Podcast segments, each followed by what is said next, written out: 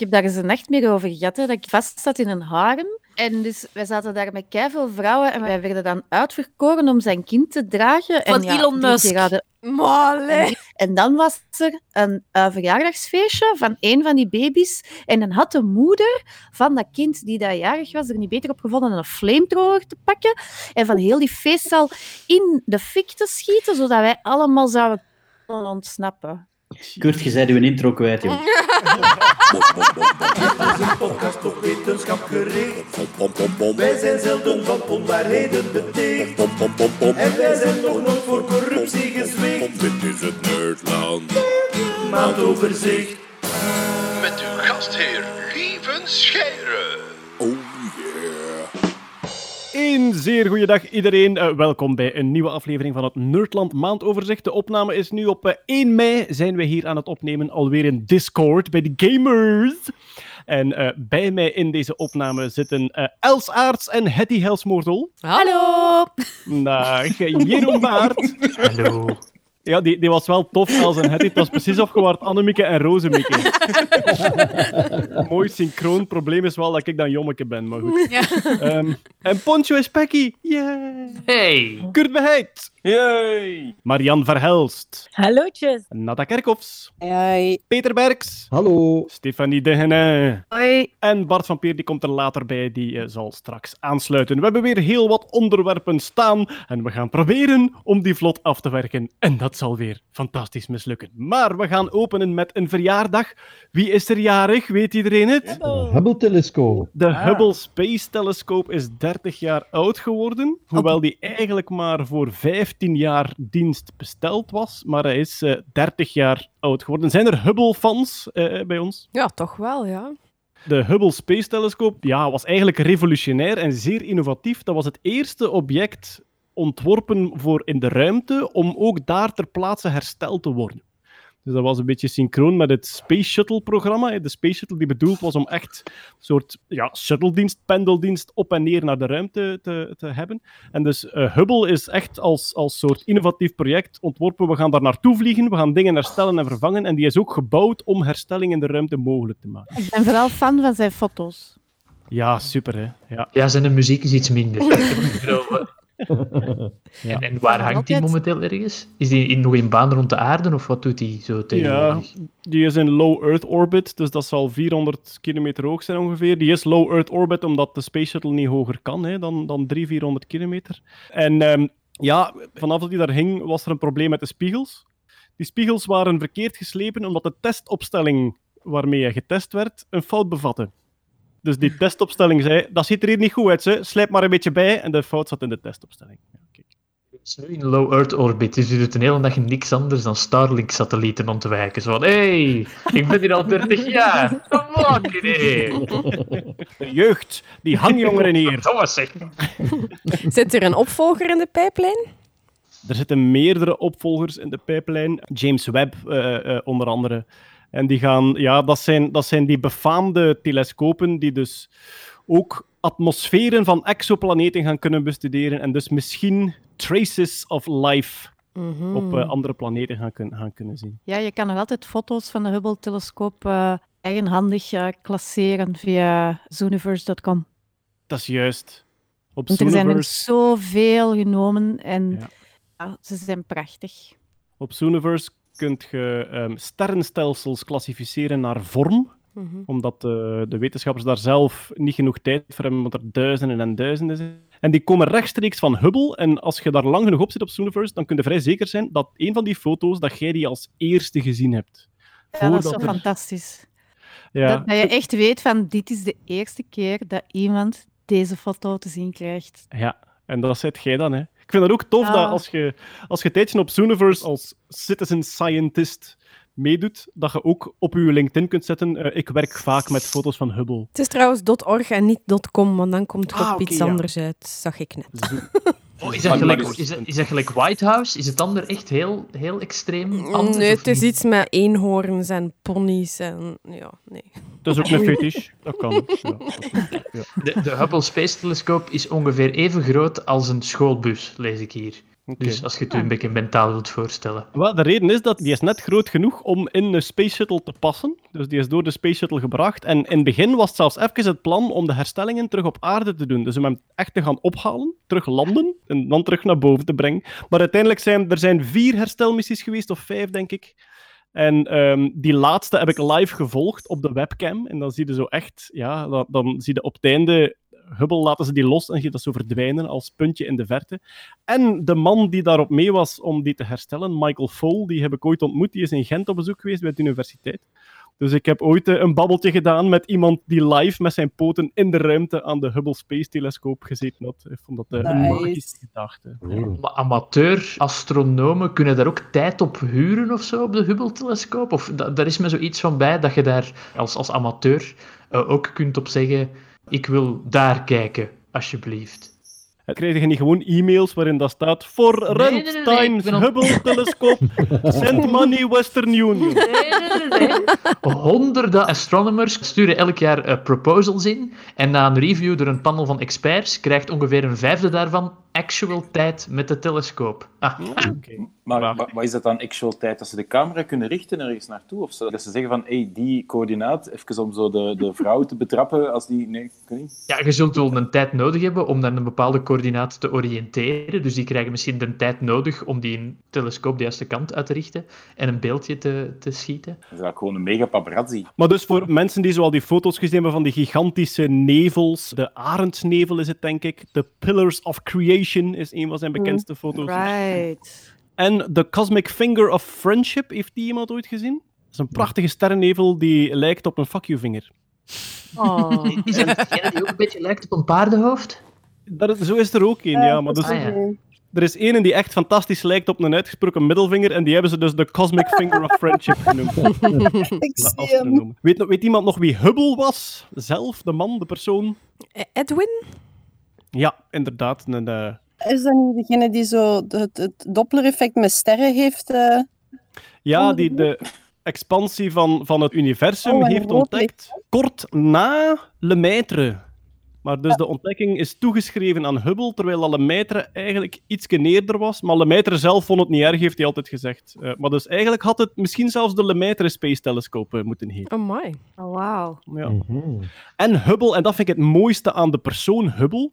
Hubble is de man die in zijn bureautje plotseling besefte: die wazige puntjes, dat zijn geen sterren binnen onze melkweg, dat zijn andere melkwegen. Dat is de man die op een avond alleen onder zijn bureaulamp besefte dat de werkelijkheid miljarden keren groter was dan we dachten. Ook weinig mensen weten dat, maar hij had ook zijn eigen papier. Hè. Eh, Hubble Wrap.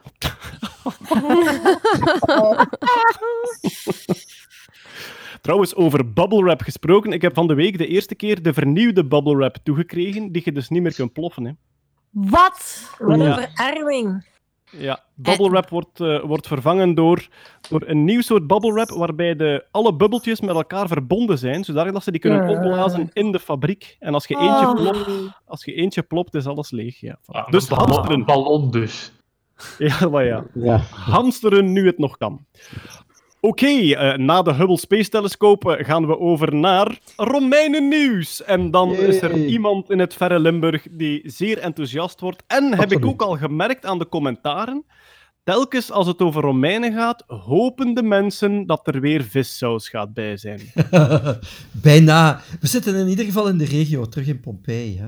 Maar dit is maar een heel kort berichtje.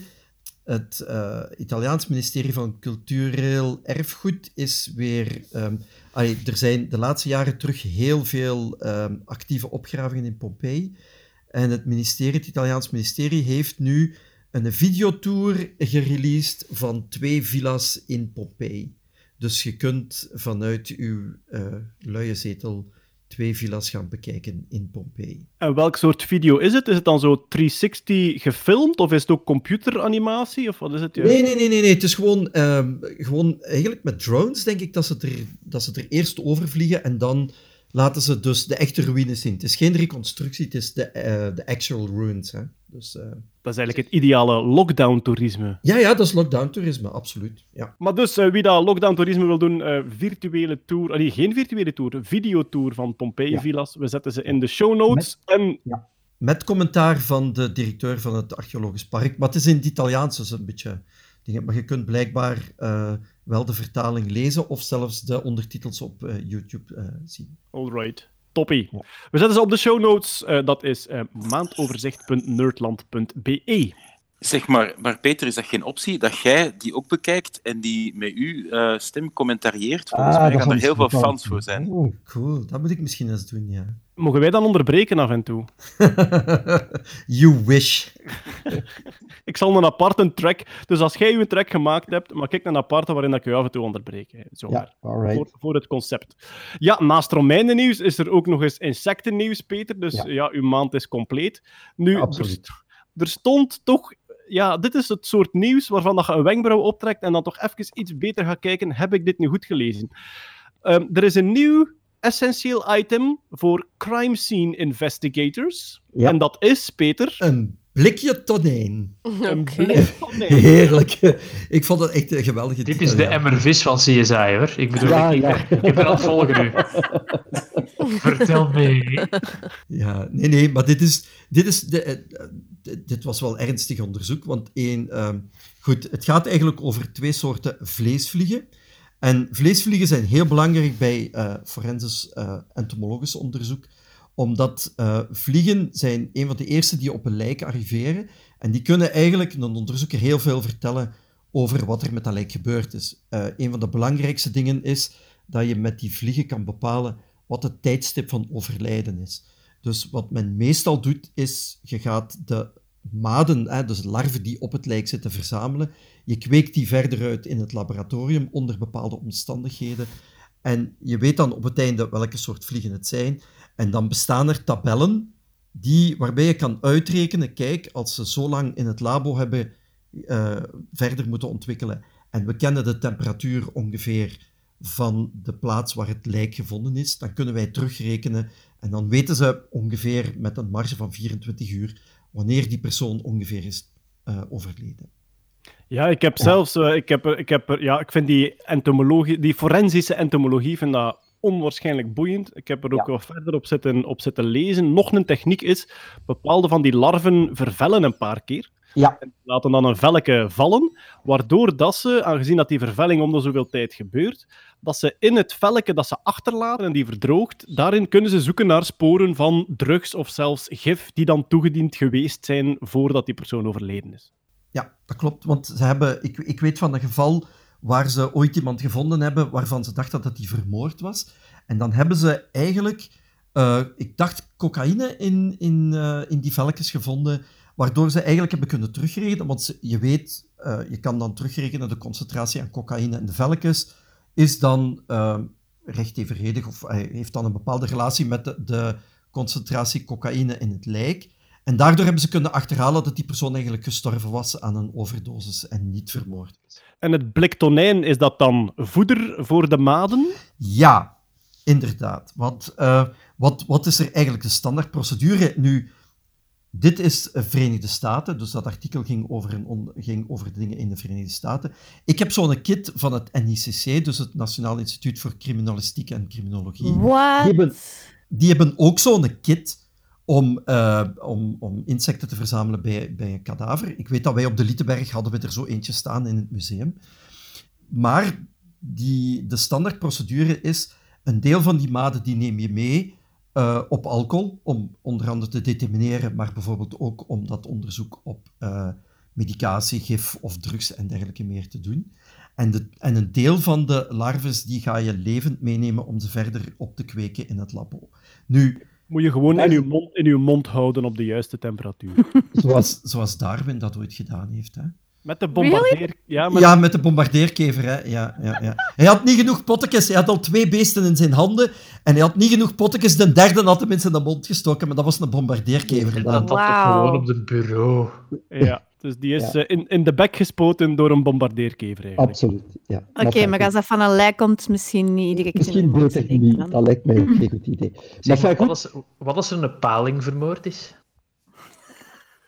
Eh, Daar is meestal niet zo'n degelijk onderzoek naar. Nee, dan gaan ze daar het NICC niet bij roepen, denk ik. Nee. Nee. Maar enfin, anyway. Dus het probleem is dat heel veel van de mensen die die dingen moeten verzamelen, dat ook niet op een correcte manier eh, opslaan om dan in het labo te doen. Bijvoorbeeld pottekes waar geen gaatjes in zitten en dan gaan die beesten dood, want die kunnen niet ademen. Of daar zit niet het juiste voedsel in, of dat wordt niet bij de juiste temperatuur bewaard en dergelijke meer. Wat heeft men nu gedaan? Standaard, blijkbaar, ik weet niet hoe het in België is, maar in de VS in ieder geval, doen ze dat met eh kalfslever. En ze slaan die op in een diepvries en dan moet je dat ontdooien en dat is een hele hoop miserie. Dus er zijn erbij die dan ook andere dingen gebruiken, maar dat geeft niet altijd het beste resultaat. Wat heeft men nu gedaan? Men heeft nu onderzocht of een blikje tonijn of een blikje kattenvoer beter of even goed is dan eh, al dan niet ontdooide lever. En de winnaar was tonijn. Alright. Dus vanaf nu zie je zo in misdaadfilms eh, het geweer, de handboeien en het blik tonijn aan de gordel hangen. En een blikje tonijn, ja. Oké. ja. Ik ben alleen maar aan CSI woordmopjes aan het denken nu. Zo in het midden van een onderzoek van ja, wat deze zaak nodig heeft. We hebben een nieuwe blik op deze zaak nodig. Alright. Goed, eh, Stefanie, nu we toch bezig zijn, eh, we gaan over naar wat medisch nieuws, waar jij toch ook altijd aandacht voor hebt. Namelijk, er is een mevrouw ontdekt die alcohol pist. We hebben het er al eens over gehad, over het autobrewery syndrome. Ja, Waarin dat mensen alcohol in hun darmen eh, kweken, allee, gisten, en daar redelijk hard van afzien. Voor de eerste keer dat dit is gedocumenteerd, is er een vrouw die alcohol plast. En hoeveel huwelijkaanzoeken uit Aalst heeft ze al gekregen? Wel weinig, want het is een beetje anders omdat ze niet, zelf niet geïntoxiceerd wordt. Dat is het verschil tussen darmen en, en blaas. Dus het, het probleem is dat er alcohol in haar, in haar urine zit. Ze wordt niet zat. Ja. Nee, ze wordt niet zat. En het was een beetje vervelend voor haar, want eh, ze stond op de lijst voor transplantatie. En ja, de artsen hadden gezegd van, ja, maar ja, j- jij hebt je eigen te pletteren, want elke keer als wij hier een test doen, is er ik niet hoeveel alcohol in je urine. Maar dan zijn ze verder gaan zoeken en eh, in de plasmatesten eh, bleek dat daar dan geen alcohol in zat. En in de urinetesten bleek dat er geen ethylsulfaat zat, maar wel ethanol. En dat is een afbraakstof van, eh, van alcohol. Dan moet ik, even, eh, dat moet ik u even corrigeren. Ethanol is alcohol. Juist, ethanol is alcohol Ja, ja, en ethylsulfaat is een afbraakproduct. Ja, Ja, voilà. Dus ja. dat was het probleem. Eh, er zat ook heel veel glucose in haar urine, wat dat ook niet normaal is. En uiteindelijk zijn ze er dan toch achter gekomen van nee, die vrouw die drinkt niet te veel, maar die heeft een soort gist in haar eh, blaas. Dat gaat over een candida. Maar dus eigenlijk, ze dacht de hele tijd, die verzwijgt haar alcoholprobleem, terwijl die Ja. gewoon een, een brouwerij in haar blaas had. Inderdaad. En de candida, inderdaad, een gist, een schimmel, wa- wat dat je het ook wilt noemen. Maar deze bepaalde candida, candida glabrata, is eh, een soort gelijk... Allee, het is een beetje ver- vergelijkbaar met brouwersgist. dat zou kunnen. Eh, ze hebben haar medicatie gegeven, antifungale medicatie, dat is niet gelukt. Dus het is eigenlijk weer, ja, het is weer minder grappig dan dat je zou denken. Hè? Want die vrouw is eigenlijk wel vrij ziek. Ja. Ehm, maar wat dat ook wel interessant is, is dat ze dan verder zijn gaan zoeken. eh, ze hebben dat in vitro nog eens een keer geprobeerd. Dat is, dat is dan eh, om, om dat te reproduceren. Dat is gelukt. En ze hebben ook wat postmortem onderzoeken gedaan. En blijkbaar toch nog mensen zouden zijn die dat voor hebben. Geen, Ehm, geen uniek geval. Het is geen uniek geval, maar het is wel de eerste keer dat ze het zo... ja, dat, de eerste keer dat het eh, gedocumenteerd is. Oké. Het goede nieuws is dat ze uiteraard kan gaan werken bij Heineken. Ehm, we hebben- Drie minuten aan het denken. Godverdomme. Ik dacht dat wij standaarden hadden. zeg maar, eh, Stefanie, er was nog nieuws dat u opgevallen was, namelijk, en eh, Marianne ook trouwens, ehm, er gaan veel examens voor, via het internet afgelegd worden. En dan denkt iedereen van, oké, je zit aan het internet, dus je kunt al je antwoorden opzoeken. Blijkbaar, ik wist het niet, maar blijkbaar is er een soort techniek via de webcam om te controleren of uw studenten spieken of niet. Ik ben dat ook maar te weten gekomen omdat er eh, een, een vriendelijke jongen in mijn plaatselijke supermarkt eh, met mij op veilige afstand was aan het praten over zijn examens. En die zei van, ja, maar wij gaan examens afleggen eh, via de webcam. En eh, dan worden wij in toog gehouden en, en eh, er wordt zelfs eye-tracking toegepast. En wat? Is die kerel nu aan het zeveren? Nee, want ik heb het opgezocht. En het is inderdaad, het is een ding. Er zijn bedrijven die doen dat. Dat heet proctoring. Zij nemen examens af. Allee, dus je neemt je examen af en er zit iemand anders aan de andere kant te kijken hoe dat jij je examen aflegt. Nu, dat kan gewoon een persoon zijn die je in toog houdt. eh, dat jij niet eh, gaat spieken en zo. Maar het gaat vrij ver, want er wordt inderdaad op, door sommige bedrijven eye-tracking eh, gebruikt, zodat je kunt zien dat ze niet ergens eh, zitten te spieken.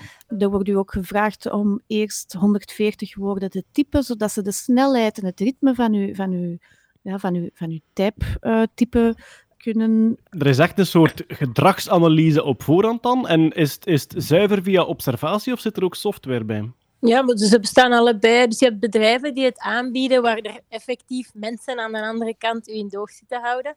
Maar je hebt nu ook meer en meer automatische systemen die eigenlijk zowel de input van de camera nemen, de input van de microfoon, soms een tweede camera die op de kamer is gericht. En inderdaad input van hoe dat je typt en wat je met je computer aan het doen bent. En dat automatisch analyseert om eigenlijk een soort van verdachtheidsniveau weer te geven. En dan zitten er nog altijd mensen aan de andere kant, maar die kijken eigenlijk naar alleen de meest verdachte gevallen. Zodanig dat ze veel meer mensen tegelijk in de gaten kunnen houden. Ah, dus Ja, het, inderdaad. algoritme, het algoritme geeft een beetje aan, de deze moet even in de gaten houden en de mens focust Ja, je krijgt, dan, je krijgt dan een soort gele kaart of, of, of misschien zelfs een rode kaart en daardoor kan de proctor, wat dat ze dan, allee, zo de examinator, ja, die krijgt dan een, melding van kijk, de Deen is hier te veel naar links aan het kijken of eh, die is een beetje vreemd aan het typen of zo. Dus dat kan eigenlijk op, op, op, massale schaal worden toegepast. Dus daar zijn zijn, al die, daar zijn al die tracer-profielen naartoe. Die we nu Nu in Europa en, en zeker in België wordt het heel weinig toegepast. Voor de KU Leuven wil er niet mee werken, omdat er heel veel privacy-vraagtekens bij te plaatsen zijn. hè. Ook GDPR-gewijs en zo. In Amerika wordt het op gigantische schaal gebruikt, maar hier eigenlijk zo goed als niet. Oké. Het doet me een beetje denken aan die film Speed, waarin dat ze de slechterik Dennis Hopper op een bepaald moment om de tuin leiden. Die moet in de gaten houden of dat iedereen op de bus blijft. Ja, en ze, ja. ze pakken 30 ja. seconden film. Dat, dat is zo'n TV-trope, dat zijn andere, die denk in de dag zit er ook zoiets. Eh, ze pakken 30 seconden film dat ze blijven loopen om de slechterik in, Ja. het, eh, in het ootje te nemen. Maar Dennis Hopper Ja. ziet dan dat er op een bepaald moment een dame een tas vast heeft, die dan verdwijnt na 30 seconden. Ja, hier heb je natuurlijk, je doet ook je test op diezelfde computer, dus ze kunnen perfect trekken aan welke vraag zijn ze bezig, wat doet op dat moment. En eh, alles is gecorreleerd en moet aan elkaar hangen. Het geluid van jij die aan het typen bent, met de en je bent die vragen aan het ingeven op dezelfde computer.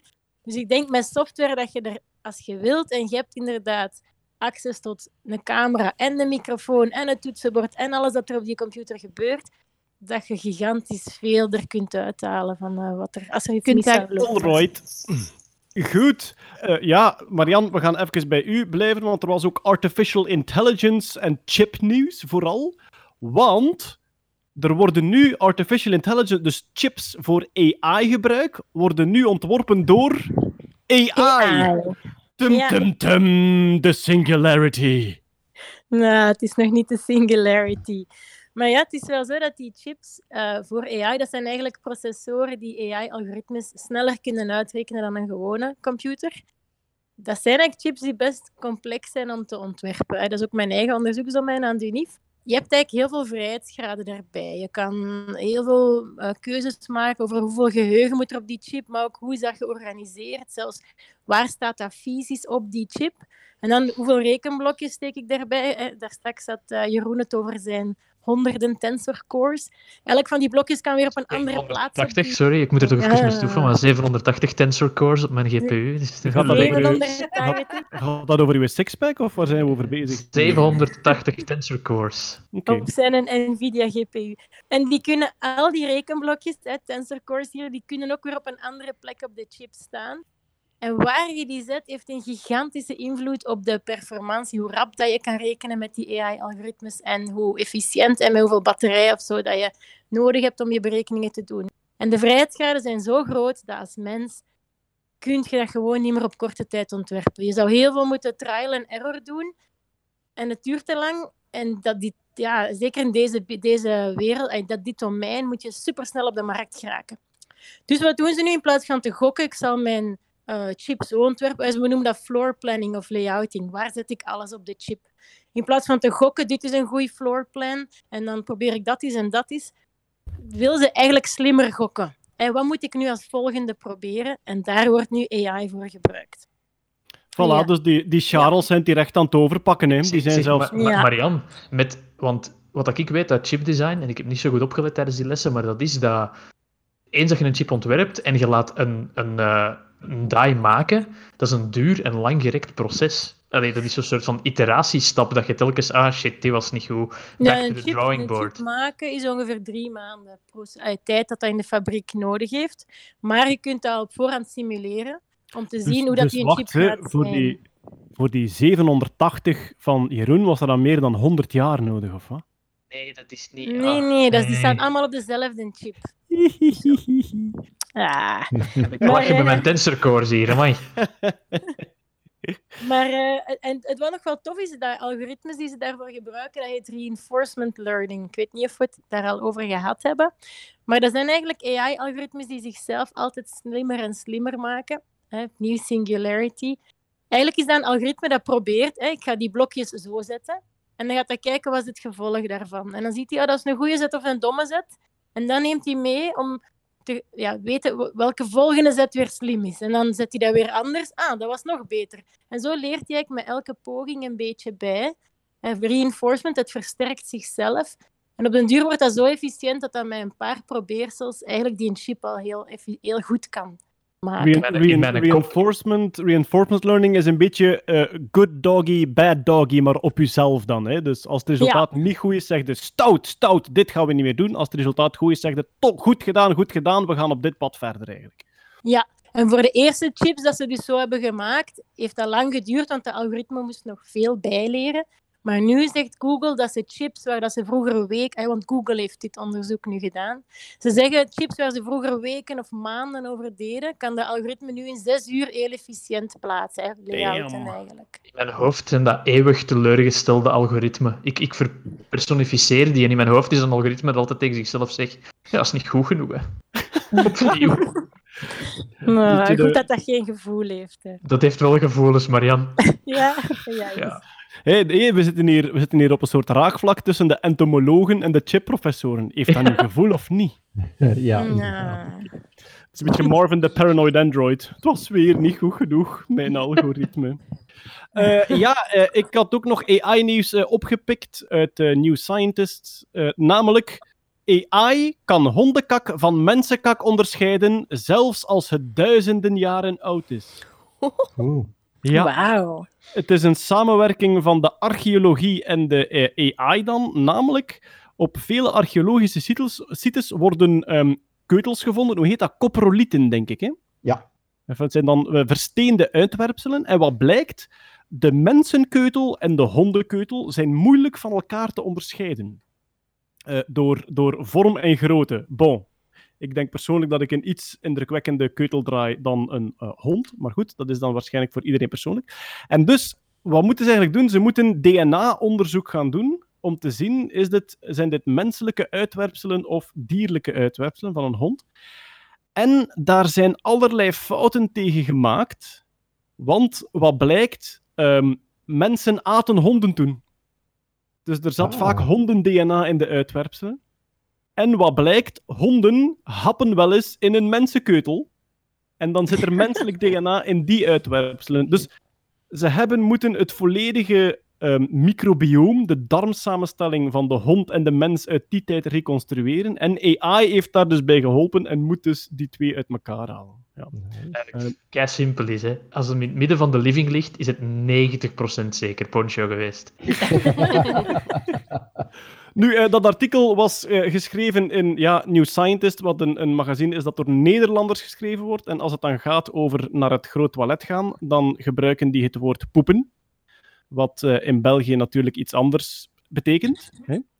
En eh, dat levert dan toffe zinnen op. Er stond bijvoorbeeld in dat artikel: eh, DNA-onderzoek is niet genoeg om de identiteit van de poeper vast te stellen. Een zin die waarschijnlijk uitgesproken is in het proces van Guy van Sande, maar dat laat ik in het midden. Ehm, en ze onderzoeken dus effectief ja, de, de, de microbiomen. Het systeem heet CoproID. Dat is eh, ja, het AI-systeem dat moet proberen om die twee uit elkaar te houden. Dat is echt een kak-idee. Dat is een kopro-idee. Ja, het is het, Max Planck Instituut in eh, Duitsland. Die hebben dat onderzocht. Marian, nog iets over ja, computerhardware dan. Er was nieuws over de memristors. En Ja. memristors zou dan hardware zijn die probeert, de werk, ja, probeert eigenlijk te werken zoals ook onze neuronen, banen en hersenverbindingen werken. Ja, de memory store is niet heel dat systeem, maar is er wel voor nodig. Dus eigenlijk gaat het hier over neuromorphic computing. Dat is eigenlijk berekeningen doen en zoveel mogelijk dat proberen te doen op dezelfde manier als een mens het doet. Dat wil zeggen dat je probeert in elektronica neuronen te bouwen die met elkaar kunnen praten. En die neuronen moeten dus met elkaar praten via synapsen. Waar dat je eigenlijk spikes hè, van die synapse-events, spikes naar elkaar gaat vuren en naar een andere neuron. Maar om dat te kunnen bouwen in elektronica heb je een elementje nodig dat we heel lang niet hadden. En dat is de memristor. Dat is eigenlijk een element of een verbinding, kan je zeggen, die sterker wordt als je hem vaker gebruikt en zwakker wordt als je hem niet meer gebruikt. Dat is in onze hersenen ook zo. En neuronen die vaak tegelijk firen, die krijgen een sterkere verbinding. En als die niks met elkaar te maken hebben, dan zwakt die synaps daartussen af. Ja. Dus je hebt dan in hardwerk zo'n element nodig dat versterkt als het, als het vaak ehm, ja, gestimuleerd wordt en anders afzwakt. En dat heeft lang geduurd dat mensen dat konden bouwen, maar dat kunnen we nu al op chip gaan maken. Maar degene die we nu op chip kunnen maken, die werken al aan redelijk hoge spanningen altijd, aan 1 volt of zelfs nog veel hoger. En dat is veel hogere spanningen dan in ons brein. In ons brein hebben we potentialen van 80 millivolt, super laag. Ik onthoud, de potentialen van ons brein zijn superlaag. Ja. ja, waardoor wij heel veel berekeningen kunnen doen op een paar boterhammetjes. We hebben veel minder energie nodig dan een computer om to- berekeningen pak toch een blad papier, Marian, dat is veel gemakkelijker. Nu is er een paper in Nature Communications waar dat ze wel beweren een memristor te hebben gebouwd die kan werken op 80 millivolt. En het is super cool, want we gaan eigenlijk iets uit de natuur gaan pikken en daar elektronica mee maken. Je hebt namelijk Geobacter bacteriën. En die, hebben, of die produceren, die hebben filamenten. Dat zijn zo hele kleine draadjes die uit bacteriën ja, uit, uitstulpen. Het is al dat misschien veel beter weten dan ik. Een soort nanodraden uit proteïnes. Eh, een honderdste van een menselijk haar dik. En die blijken heel interessante eigenschappen te hebben om memristors mee te maken. Want als je daar een kleine potentiaalspanning op zet, 80 millivolt blijkbaar, dan beginnen daar redoxreacties plaats te vinden. En daarmee kunnen we het gedrag van een elektrisch draadje dat er in de buurt ligt beïnvloeden. En op die manier hebben ze eigenlijk door zo eh, bacteriën, eh, die geobacters, door die nanodraadjes daar te gaan afschrapen of afscheren en daar elektronische schakelingsjes mee te bouwen, hebben ze zo'n super efficiënte memristor kunnen bouwen. Wat? Dus effectief on- onderdelen van bacteriën afhalen? Ja, van die filamenten die eruit... Je ziet Wauw. soms bacteriën hebben van die kleine staartjes dat eraan steken. Dat Ja. scheren ze eraf. Hè, een paar eh, tientallen of honderden nanometers dik. En daar kunnen ze dat mee bouwen. Ze hebben daar nog geen hele processor of computer mee gemaakt. Hè, maar die basiselementen hebben ze nu elektronisch gekarakteriseerd. En die hebben inderdaad memristor gedrag. En dat is dus effectief... eh, professor, waarvoor hebt u deze dure funding nodig? Ik wil bacteriën scheren. meneer. ja. het is ja, echt dus zot, het- hè. de- ja, wat, dat, wat dat, ja, de, de- je zet er een potentiaal over en dan, dan door die... ehm, ja, door potentiaalverschillen eigenlijk gaat er zo'n redoxreactie plaatsvinden. Dat is dan weer de, de chemie die erbij komt kijken. Mhm. En ze leggen daar dus een metalen bandje in de, in de buurt. En door die redoxreactie gaat er eigenlijk... eh ja, moet je dan oxideren, hè, oxideren, reduceren, gaat dat metaaltje reduceren, waardoor dat die weerstand door dat metaal verandert. Maar dat, is, dat, is toch het, dat is toch het geniale aan ons. eh, een van de vele geniale dingen aan de werking van ons brein is. Eigenlijk is dat software die zijn eigen hardware creëert. Namelijk de banen die vaakst gebruikt worden, worden gewoon sterker. Ja, en dat gebeurt eigenlijk ook in ons brein door chemische reacties. En het leuke is dat tot nu toe in de elektronica, ja, dat was eigenlijk niet echt chemische reacties, maar dat zijn gewoon elektronen zonder de chemie die er nog aan te pas kwam op chip. Nu zijn we eigenlijk terug die chemische reacties aan het proberen te maken en daar dan toch weer elektronica mee te doen. Ik vind ik het heel tof hoe dat, dat allemaal samenkomt. Kan er dan een deel van mijn schakeling afsterven als ik die niet vaak genoeg gebruik? Dat vroeg ik mij ook af of dat je dat, Dat, dan dat, moet is wel, dat, is voeden wel en- niet wat dat, ik, dat is wel niet wat ik zoek in een processor. Als ik zo drie, we- drie weken geen Excel gebruikt heb, dat dat is echt... Nee, dat gaat niet meer. Dat is kapot. Dan kan ik niet meer. We kunnen alleen nog porno, Jeroen. Amai, daar zijn we op getraind. Nee, maar dat, dat, vond ik, dat vind ik er wel boeiend aan. Als zijnde, je zou kunnen zeggen, we maken, we maken verbindingen die vaak gebruikt worden sterker, maar dan zuiver virtueel. Je zou kunnen softwarematig zeggen, dit zijn belangrijke banen die sterker reageren. Maar dit is echt de hardware zelf die verandert. Ja, maar waarom dat ze dat willen doen, is dat is veel efficiënter dan dat je... Als je dat virtueel doet, dan heb je eigenlijk een soort van softwarelaag dat je erboven moet draaien. Ja. En dat, is- is- dat verbruikt veel meer eh, batterij of, of eh, als je wilt rekenen. Hè.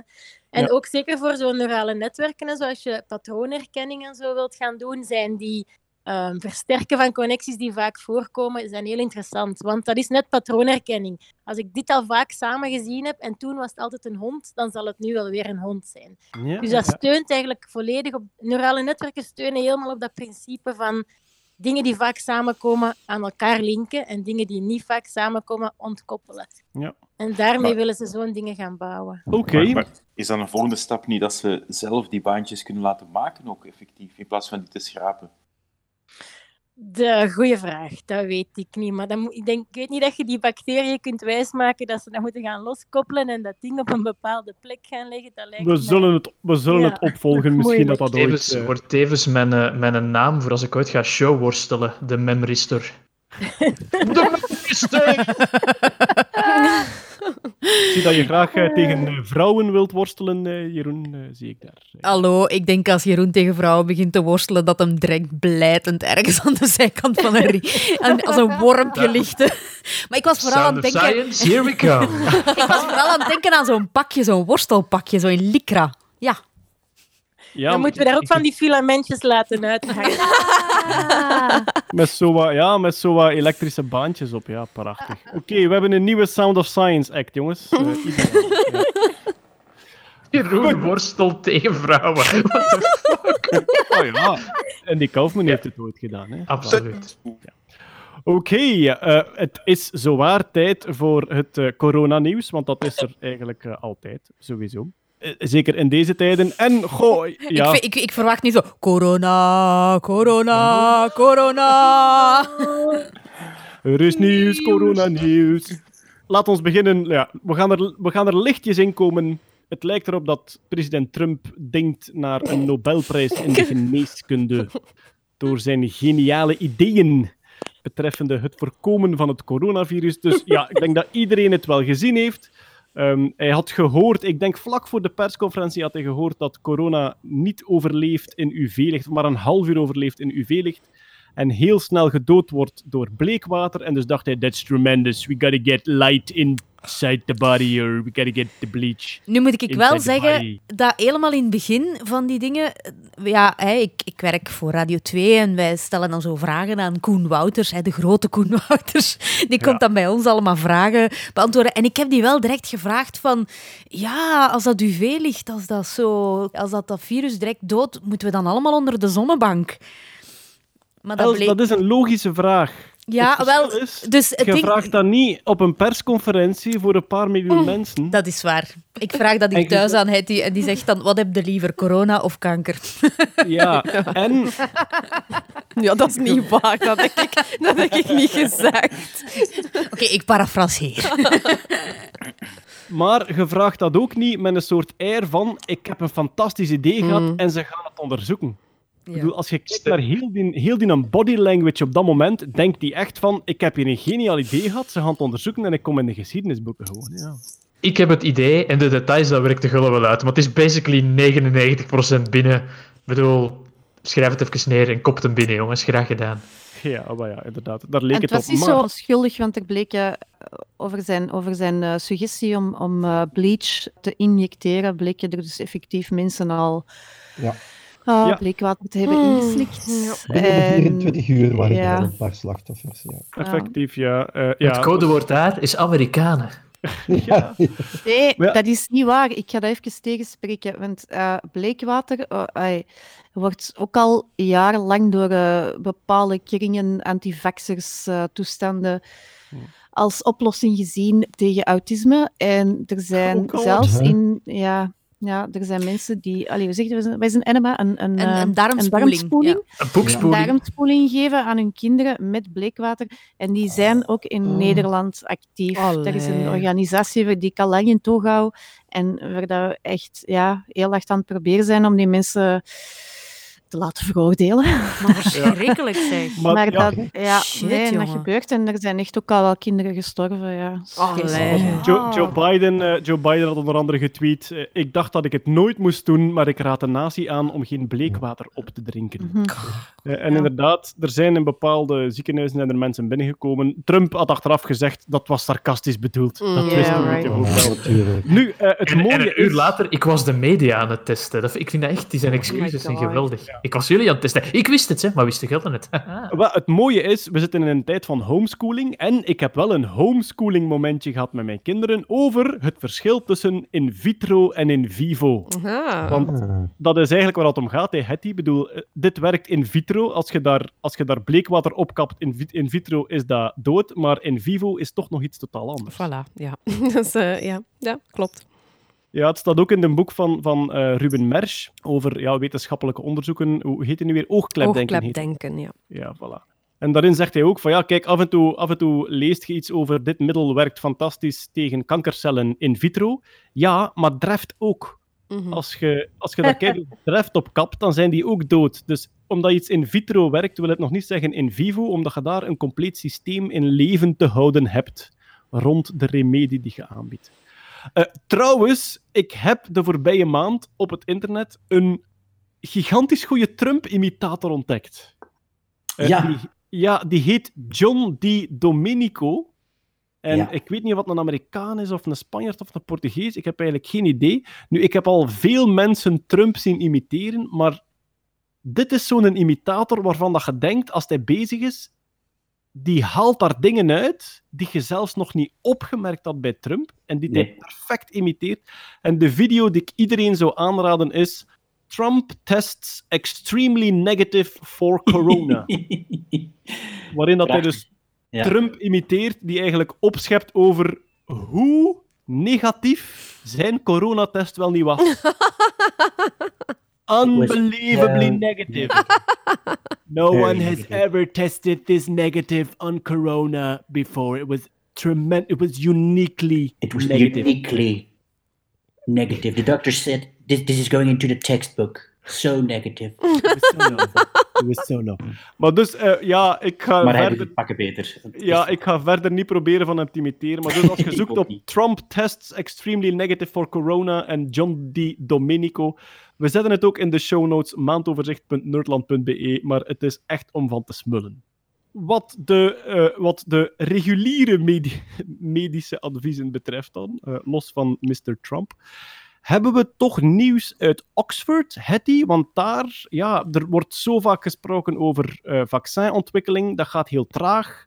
Johnson Johnson zou test op mensen beginnen in september, maar Mhm. in Oxford zijn ze nu al bezig met human trials. Ja, zijn ze inderdaad een paar dagen geleden gestart met één vaccin te testen op een duizendtal gezonde vrijwilligers. De helft daarvan krijgt eh, dit nieuwe coronavaccin. De andere helft, de controlegroep, krijgt een vaccin tegen meningitis. En eh, ja, dan willen ze die mensen eigenlijk ehm, natuurlijk blootstellen aan het virus, want het is ethisch niet verantwoord om die mensen bewust te gaan infecteren. Eh, ah, om- dus die blijven gewoon rondlopen Ja, in de maatschappij ja, inderdaad. of ze besmet worden. Ja, want ja, het zou nog altijd kunnen dat het vaccin niet werkt en de schade die je dan doet met mensen Mhm. bewust te gaan infecteren is natuurlijk onverantwoord groot. Dus dat is nu een beetje de vraag, ja, eh, hoeveel is het virus nog aanwezig daar? Hoe snel zullen die mensen besmet worden? Dan moeten er in beide groepen moeten er mensen besmet worden om, het, eh, om de vergelijking te kunnen maken. Dus het is nog een beetje koffiedik kijken eh, wanneer we daar resultaat van zullen hebben. Maar ze zijn ermee gestart. Het is trouwens een Belg, Bruno Holthoff, die daar eh, aan het hoofd staat en toch Allee. mee aan de touwtjes trekt van, van deze nieuwe ontwikkeling. Dus ja, wat ze gedaan hebben, eigenlijk een, een verkoudheidsvirus, een adenovirus. Ehm, dat hebben ze een beetje vermomd als coronavirus. Dus ze hebben daar genetische informatie aan toegevoegd, zodat die spike-eiwitten ook zou ja, etaleren. En dan hopen ze dat ons immuunsysteem daartegen antistoffen aanmaakt. In de hoop, als dan het echte coronavirus later binnenkomt, dat we, dat we beschermd zijn. Maar dus wat ze krijgen, want ja, een, een, een, een vaccin wordt vaak beschreven als het is geen werkend virus meer, het is stuk. Maar zij krijgen, krijgen zij dan effectief een werkend verkoudheidsvirus met bepaalde eigenschappen? Dat is een verkoudheidsvirus dat uit chimpansees komt, dus dat maakt ons niet ziek. En dat is ook allee, verknipt, dus daar, daar, dat is absoluut niet infectieus. En daar is nu nog eens de genetische informatie voor die spike-eiwitten van het eh, SARS-CoV-2-virus aan toegevoegd. Ehm, Ja. Dus ja, ze hopen... Ja, dat is natuurlijk nog een lange weg. Hè. Nu gaan ze echt testen, één, op veiligheid en twee, op werkzaamheid. Als het allemaal meevalt, dan zou het tegen de winter eh, kunnen gebruiksklaar zijn. De firma AstraZeneca heeft ook al eh, samenwerking aangegaan om dat dan op grotere eh, schaal te gaan produceren. Maar goed, er zijn er 120 in ontwikkeling ongeveer wereldwijd. Dus het is wachten op wie daar de reis wint en eh, wie de eerste zal zijn. Ik heb gelezen dat Bill Gates al zijn geld smijt achter het zelfs fabrikagelijnen opstarten voor verschillende middelen waarvan dat hij weet dat er, stelt er vijf middelen gaan voorgesteld worden en er gaat er maar één van werken, wil dat toch ook de fabrikage opschalen voor die andere middelen om geen tijd te verliezen, in plaats van eerst voorzichtig A te proberen, dan B, dan C, dan D. Dus Mhm. die heeft gezegd van ik ga er gewoon geweldig veel geld tegen kwakken om het eh, zo snel mogelijk vooruit te doen gaan. Ja, dat is ik zot, denk, eh, ik denk dat, dat andere farmabedrijven hetzelfde hadden. Misschien zelfs Johnson Johnson, die zeiden van we zitten in test, maar we gaan toch al productie beginnen. Want als de test werkt, moeten we gewoon, ja, ik bedoel, eigenlijk willen 7 miljard mensen dat vaccin. hè. Daar komt het Mhm, ongeveer op mhm. neer. In, in Oxford Ehm, zeiden ze ook, wij gaan nu heel parallel. Hè. Normaal zijn die dingen sequentieel. Eerst is het veilig, Ja. dan is het werkzaam in kleine groepen, in grotere groepen enzovoort. En dat is nu gewoon allemaal baf, samen Maar met dus de productie staat- bijna. Daar staan een Belg aan het hoofd en Johnson Johnson, eh, ook toch voor een, een groot stuk een Belgisch bedrijf, is ook volop bezig. Die waren nu in het nieuws. Eh, zij willen in september testen op mensen en zij zijn nu bezig met, ja, ik denk de typische volgorde. Muizen, al de grotere zoogdieren, dan primaten en dan mensen. Ja, deze is nu uit Oxford al getest op apen en daar werkte het. Dus alle apen die geen vaccin gekregen hadden of, of in de testgroep zaten, die werden allemaal ziek. En slechts één op zes van de apen die, die wel het vaccin had gekregen, werd ziek met zeer milde symptomen. Dus die test eh, is geslaagd. Ehm, Ja. Dus ja. Oké, en Johnson Johnson eh, zoekt, eh, moet dan nog de hele test, de hele fase doorlopen eigenlijk, ja. Ja. Maar Oxford, Oxford is heel ervaren, denk ik, in dat soort vaccins. Dat weet ik eigenlijk niet, maar het, het lijkt erop. Hè, als ze toch zo'n voorsprong hebben op een, op een, eh, een mega eh farmareus. Ja, ja. Ik, ik weet het niet meer precies, maar ik dacht dat die al hard aan het werken waren op een zeer gelijkaardig iets. Dat is dan misschien SARS of MERS of een van die andere, kan, een van die andere corona's. Nog vaccinatienieuws. Er was een vermoeden en we gaan heel erg veel caveats plaatsen Mhm. hier. Hè, want het is, het is nieuws dat vers binnen is en nog niet bevestigd is, maar ik vind het toch heel boeiend. Er is een, een vermoeden dat verder onderzocht wordt dat het MMR-vaccin, een vaccin dat nu al toegediend wordt voor Mazelen, bof, rubella. MBR. ja, mazelen, bof en rubella. En er zou een... MMR staat voor eh, Markman Randst. Measles, mumps en rubella. Ik vind, ik vind Markman wel een prachtige superheld. verder. Markman Ranst. Maar ehm, er is nu een vermoeden dat nog heel erg onderzocht moet worden, dat die een gedeeltelijke bescherming zouden bieden tegen ook SARS-CoV-2. Dus dat er een soort, ja, dat er een soort overlap zou zijn dat uw immuunsysteem al niet volledig, maar deels zou gewaarschuwd zijn. Ja, dus zijn opnieuw, het is goed dat je het duidt. eh, vermoedens, het is ook een preprint, dus dat zien we nu heel veel in de wetenschappelijke literatuur. Ik, ik juich het, het eh, gegeven van preprints alleen maar toe. Dus dat zijn eigenlijk eh, onderzoekers die een onderzoek delen nog voor het door het peer-review-proces gegaan is, voor het officieel gepubliceerd is. Maar hier krijgen we en masse wel preprints over ons heen, dus we moeten daar ja, voorzichtig mee zijn.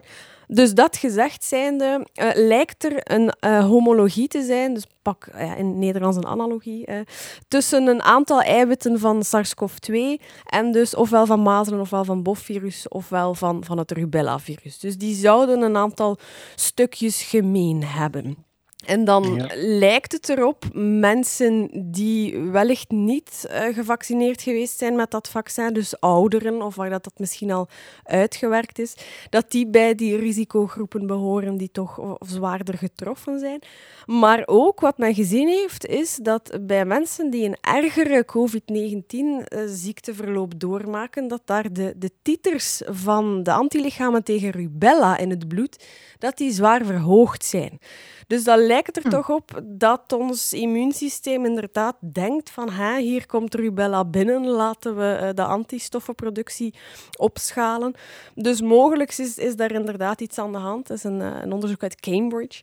En dan zou een, een mogelijke piste kunnen zijn van laat ons eh, misschien toch de mensen die dat vaccin nog niet gehad hebben, laat ons die toch ehm, vaccineren tot er een, een echt SARS-CoV-2-vaccin is. Eh, dus dat is het nieuws En dat uh, binnengewaaid Dat is, een, uh, dat is een verplicht vaccin in België, die MMR? Nee, alleen polio is verplicht, denk ik. Maar alleen polio wel... is verplicht, ja. dit werd wel aangeraden. Voilà, ja. Maar omdat dat, dat is zo een van die vaccins waar mensen nogal twijfelachtig tegenover staan, omdat dat 3 in 1 is, terwijl dat eigenlijk redelijk efficiënt is. Maar dat is zo een van die, ja... Het zit wel in het standaard vaccinatieschema van, van kind en gezin, gezin, ja. ja. Dat is zo. Maar ik had een andere vraag. Als die titer van uh, rubella wordt verhoogd, dan wil dat eigenlijk zeggen dat je lichaam misschien niet zo goed het onderscheid kan maken, of toch? Ben ik verkeerd? Ben ik... Um, ja, nee. Dat, of, of, dat hij denkt, hier, hier is iets tamelijk gelijkaardig, of dat, ja, de regio's of bepaalde regio's in dat SARS-CoV-2 dat, dat aanwakkeren. Ja, het immuunsysteem is iets heel boeiend en, en ook tamelijk complex. Dus uh, ja. Ja. ja. Qua immunologie zijn het nu wel uh, al ja, hoogdagen. Wat daarvan, ja. Maar ja, wat daarvan, van, niet alleen onderzoek, maar ook van, van gigantisch belangrijke uh, dingen nu onderzocht worden, mm. dat, is, dat is immens. Mm. En ook eigenlijk samen met dat MMR-vaccin, omdat alweer, het is echt vroeg en we weten nog totaal niet of het klopt en waar het vandaan komt, maar het zou bijvoorbeeld kunnen een deel van de, ja, waarom dat de jeugd of de, de kinderen zo weinig uh, resultaat hebben, nee, omdat die in België eigenlijk vrij recent toch bijna allemaal met MMR gevaccineerd zijn. Maar er is momenteel echt wel onderzoek naar Sommige mensen worden heel ziek van COVID-19 en anderen hebben geen symptomen. En er wordt nu geweldig gezocht naar wat verklaart dat. Mm -hmm. uh, het man-vrouw verschil is duidelijk. Mannen mm -hmm. zijn veel vatbaarder. Ja. Uh, corpulentie stond vandaag, werd vandaag ook gepubliceerd. Het feit dat corpulente mensen een veel hoger risico hebben, mogelijk omdat het virus zich ook in vetcellen zet. Uh, mm. En omdat ze sowieso ook aan de beademingstoestellen uh, uh, moeilijker te plaatsen zijn. En ja, een onderzoek dat, en alweer zeer vroeg dag, nog niets van bewezen, maar een, een um, interessante piste. Genetica, wat dat ook landenverschillen zou kunnen verklaren, zo, zoals dat je in Scandinavië een soort HIV resistentie hebt bij sommige mensen. Ja. Ik ga misschien heel eventjes nog kort ingaan op dat man-vrouw verschil, want dat is ook ja. voor een stuk genetica vind ik zelf heel interessant. Dus die, die cijfers zijn zeer opvallend. Hè. Bijna 60 tot 75 procent van de overlijdens is bij mannen uh, vast te stellen, terwijl zij niet vaker geïnfecteerd worden met het virus. Hè. Mannen en vrouwen worden even vaak ziek, maar de, de ernstige afloop is toch vaker uh, bij mannen vast te stellen. Men heeft daar een, een aantal dingen dat men op het spoor is. Hè. Eerst dacht het ligt aan het rookgedrag. Hè. Mannen roken veel vaker. We weten bij rokers dat, uh, dat die longcellen veel meer van dat ACE2-eiwit aanmaken. Dat is dat eiwit dat het coronavirus eigenlijk gebruikt om onze longcellen te gaan binnendringen. Maar dat wordt ja, precies toch niet meer ondersteund door, door de huidige data. Dan dacht men inderdaad, ja, mannen zijn algemeen ongezonder. Uh, obesitas, diabetes, hoge bloeddruk enzovoort. Ook naar Minder hygiëne. Ook voilà, naar hygiëne ja. werd ook gekeken. Wij zijn viezer en vuil. voilà. Um, maar goed, dan uh, is men nu toch ook inderdaad het immuunsysteem uh, aan, het, aan het bekijken. En een van degenen die daar naar voorkomt is het TLR7-gen. En speciaal aan dat gen is, is zeer belangrijk in ons immuunsysteem, is dat het op het X-chromosoom ligt. Het X-chromosoom, waarvan vrouwen er twee hebben, XX, en mannen maar één, hè, want zij hebben XY. Dus er wordt vermoed dat vrouwen twee keer zoveel van dat TLR7-eiwit uh, aanmaken en dat zij dus een betere immuunrespons hebben op dit soort uh, enkelstrengige RNA-virussen dat het coronavirus toch is. Nu, wie uh, wat geavanceerdere biologie heeft gehad, denkt misschien, ja, maar een van die twee X-chromosomen wordt toch geïnactiveerd bij vrouwen? Dat is zo, hè, want dat Y-chromosoom is veel korter dan dat X-chromosoom. Um, en om dat onevenwicht tussen man en vrouw een beetje in balans te houden, wordt in elk van de, de lichaamcellen van vrouwen één van die twee X-chromosomen heel willekeurig eigenlijk geïnactiveerd, maar niet volledig. En dat ene eiwit, dat TLR7-eiwit dat betrokken is in dat immuunsysteem, ligt in een regio die niet geïnactiveerd wordt. Dus vrouwen hebben daar dubbel zoveel van als mannen.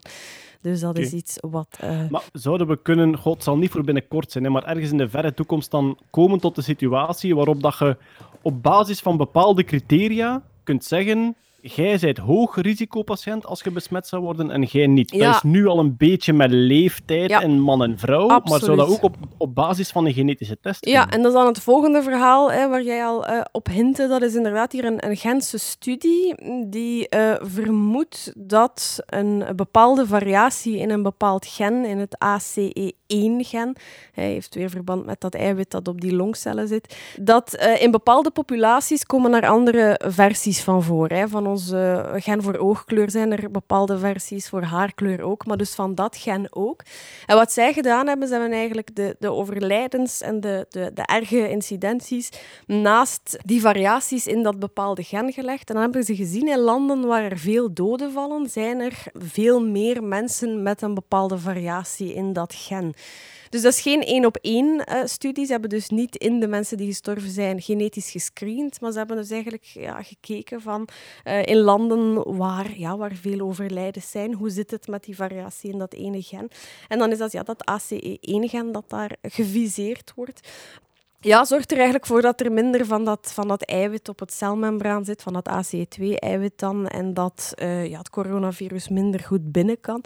En dat, ja, daar kijken ze echt naartoe voor betere modellering, onder andere, om te gaan eh, voorspellen, ja, los van exits en lockdown-strategieën en beleid en, en rapportering ook, want daar zit ook een verschil in die cijfers natuurlijk, eh, dat die genetische achtergrond van inwoners ook echt ja, kan meespelen, een grote rol kan spelen in wie ziek wordt wie, sterft uiteindelijk. Misschien komen we naar, naar een toekomst dat bij de volgende pandemie, eh, laat ons zeggen, snel als ze, stel dat ze snel komt over 10, 20 jaar, dat we echt al kunnen vrij snel op basis van mensen een genoom gaan zien wie er zich heel erg moet beschermen en voor wie het, het virus minder gevaarlijk is. Ja, dat zou ik al bij al eigenlijk nog, nog geen nadeel vinden van zo'n allee, van zo'n genoomwijde analyses, eerlijk gezegd. Ja, dus, eh, ja. Nog veel werk aan de winkel, hè, maar dat hebben we al een paar keer gezegd, denk ik. Sowieso, may you live in interesting times hè, is, een oude, ja. is een oude Chinese vloek. En we merken het nu. Hè. Het zijn interessante tijden en ze zijn niet tof om in te leven. Chinees.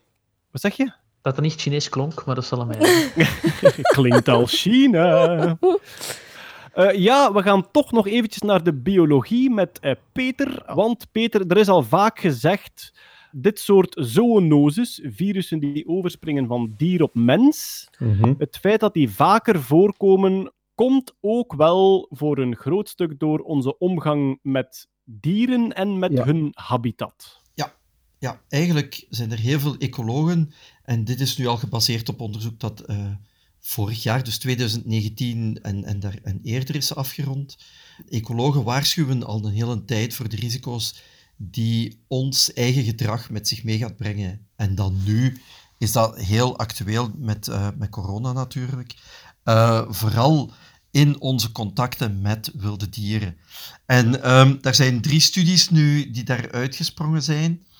Ehm, eentje, die hebben gekeken naar ehm, welke dieren brengen die zoonoses mee, welke virussen kennen we al die overgedragen zijn door dieren. En dat hebben ze dan proberen te linken aan de YUCN, dus de internationale, eh, hoe zal ik dat zeggen, organisatie die, bezig, die zich bezighoudt met kijken wat is de status, de, be- de beschermingsstatus of de, de status van dieren qua eh, zeldzaamheid. En het blijkt dat ehm, het feit dat wij heel veel habitats eh, beginnen te vernietigen van zeldzame dieren of dieren die eh, niet zoveel voorkomen, dat wij daar, omdat wij nu gaan ontbossen, omdat wij meer bushmeat gaan jagen, want dat is nog altijd heel populair, zowel in het Amazonewoud als in de Afrikaanse regenwouden, en Azië natuurlijk, eh, de, de wet markets in China, dat wij veel meer in contact gaan komen met die dieren. Maar ook dat eh, niet alleen die zeldzame dieren ehm, die virussen gaan overdragen, maar men is ook gaan kijken, is er bijvoorbeeld, zijn er groepen die er disproportioneel uitspringen? En we denken dan dikwijls aan, aan, aan vleermuizen, maar dat blijkt niet zo. Dus de hoeveelheid virussen die zij overdragen is eigenlijk redelijk homogeen verdeeld in de groepen. Schubdiertjes, komen die ergens... eh, Schubdiertjes, ja, die komen daar wel ergens... Ja, ja, die pangolins komen er wel ergens in voor. Maar vleermuizen zijn, eh, zij worden heel dikwijls als eh, de, de, de, de schuldige aangewezen. Maar dat komt omdat eh, vleermuizen de grootste groep binnen de zoogdieren is. 20% van alle zoogdieren zijn vleermuizen. Wat? Ja, ja, ja, ja. En omdat dat zo'n grote groep is en omdat die zo wijd verspreid is, komen wij met heel veel soorten in contact en kunnen die dus veel gemakkelijker virussen overbrengen. 20% zijn vleermuizen. Wacht even. Zijn er meer soorten vleermuizen dan dat er soorten mieren zijn, Peter? Ah nee, shit, we zitten met de zoogdieren. Nee, nee, ik nee, probeer, nee, nee. Ik probeer, Dat ja, kan nooit. Zeg maar, Peter, Nee, zijn het 20% 20% van de, van de individuen of van de soorten? Van de soorten. 20% van de soorten? Ja, van de soorten zoogdieren zijn vleermuizen. Hè. Dat is de grootste groep binnen de, binnen de zoogdieren. Ik er hier maar tussen, maar ik ben er even niet goed van. Oeh. Ja, ja, dat is inderdaad... eh, Ik wist dat al langer, maar ja. Ik snap waarom dat Batman bang is. Ja. ja. Ja, het, eh, uiteindelijk van, van Jeff Bezos hadden we al een klein vermoeden, maar die andere 20% zie ik eigenlijk niet, eh, niet, niet onmiddellijk zitten. Maar Peter, mijn bedenking is dan altijd van, tja, vroeger als jager-verzamelaar leefden wij toch veel dichter bij de wilde dieren dan nu. Eh, maar dat waren allemaal kleinere gemeenschappen. En onze, onze populatie wordt gewoon groter en de druk op die gebieden. Wij zitten heel veel. ehm, dus ze hebben nu bijvoorbeeld onderzoek gedaan naar dorpen aan de rand van het Kibale Nationaal Park in Oeganda. En wat blijkt, dus heel veel van die dorpen zitten wel aan de buitenrand van dat, van dat woud, maar die dringen allemaal heel dikwijls het woud in om bijvoorbeeld te gaan jagen, om hout te gaan kappen of andere activiteiten. En omdat, omdat er veel meer mensen zijn, komen er veel meer dorpen en gaat die activiteit in het bos ook stijgen. En Weinig, heel weinig eh, jagers-verzamelaars ook die gaan skiën zijn in Noord-Italië en in Voilà. Voilà. Maar ja, die een- snelheid... Een die- goedkope Ryanair. die snelheid van verspreiding ook op zes maanden tijd van Ja. de, de eerste patiënt in Wuhan naar de hele wereld, Ja. dat is inderdaad... Ja, dus dat is het tweede. Hè. Dus eh, niet alleen komen wij nu meer in contact met dieren die potentieel virussen kunnen overbrengen, maar eens dat wij besmet zijn, hè, dus je hebt dan nog verschillende scenario's. Bijvoorbeeld iemand kan een virus krijgen en daar helemaal niks van voelen, dat virus is niet werkzaam. Tweede, die mensen kunnen, dat wordt dan een dead-end infection genoemd, dus die worden wel ziek, maar die besmetten niemand anders. En in, in een andere fase, dan krijg je zo dingen als wat we nu aan de hand hebben met, eh, met eh, SARS-CoV-2. En dan gaat natuurlijk onze eigen manier van leven met heel de globalisering en, en internationaal transport, kan zich dat heel snel verspreiden natuurlijk. Ja, eh, oké. Ik heb trouwens, ja, die, die coronacrisis heeft uiteraard door de, door de gigantische maatschappelijke impact vele gevolgen. Eh, eentje daarvan, wat ik nog kort vermelden, is. Wat is er onder andere in gevaar door de coronacrisis? De schuimkraag op uw pint. Oh no! Eh, Ja, dus wat blijkt, het is nieuws van Amerikaanse brouwerijen. Zij voegen CO2 toe aan hun bier om een schuimkraag te maken, maar de zuivere CO2 wordt, door hen, wordt aan hen geleverd als bijproduct van de eh, biobrandstofindustrie. En de biobrandstofindustrie ligt een beetje op haar gat, omdat er veel minder met de auto gereden wordt. Ah, oké. En dus via die weg is de schuimkraag op uw pint in gevaar door de coronacrisis. Enkel krijgen we voor Amerikaans bier of ook voor Belgisch bier? Ik heb dat gelezen als de Amerikaanse brouwerijen krijgen hun CO2 Ja, oké. geleverd langs die weg. Eh, ja, Peter, jij werkt in landbouw. Ja, we schakelen gewoon over op Genever. Ah, Peter praat voor eigen winkel. Ik ben ook aan het denken geweest, met al die coronamaatregelen, als de concertzalen terug open gaan, dan gaan die heel veel afstand moeten houden. Dus ik denk dat we met Nerdland het Sportpaleis kunnen uitverkopen. Als we dat in exact de juiste week doen. Dat je daar 300 meter afstand moet houden. Of zo. Dat lukt dan net. Ik maak de berekeningen nog, maar eh, daar is, ik zie dat ook een opportuniteit. Ja, trouwens, Peter, eh, je spreekt nu over de Geneverstokerij. Hebben jullie ook zo handalcoholgels gemaakt, of niet? Eh, nee, dat hebben we niet gedaan. We hebben wel alcohol verkocht aan de apothekers.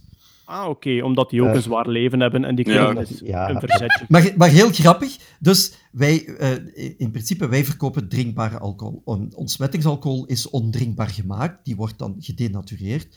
En daar moet je bijna geen accijns op betalen. Op die van ons is dat 30 euro de liter. Voilà. Wij hebben nu van het ministerie van Financiën de, de vrijstelling gekregen om die dus accijnsvrij enkel aan apothekers en dokters te verkopen. Daarmee dat er dus een, eigenlijk een heel groot tekort aan is, want die mannen drinken dat gewoon allemaal zelf op een zee. Natuurlijk. Ik kreeg de vorige week de vraag van een apotheker: mag ik van een overschot advocaat maken? Ik zeg ja, gin tonic kan ook, hè. Maar ja, inderdaad. Hij ging mij een flesje opsturen. Nou, je, kunt dat, je kunt dat redelijk gemakkelijk ontdekken ze, wanneer een apotheker eraan gezeten heeft als hem vraagt. Uw siskaart, alsjeblieft."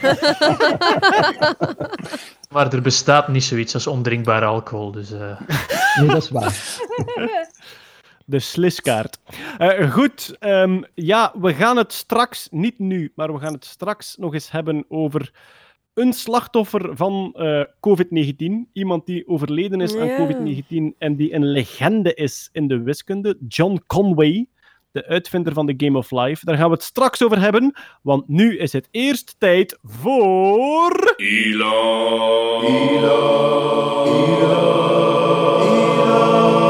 Musk Nieuws.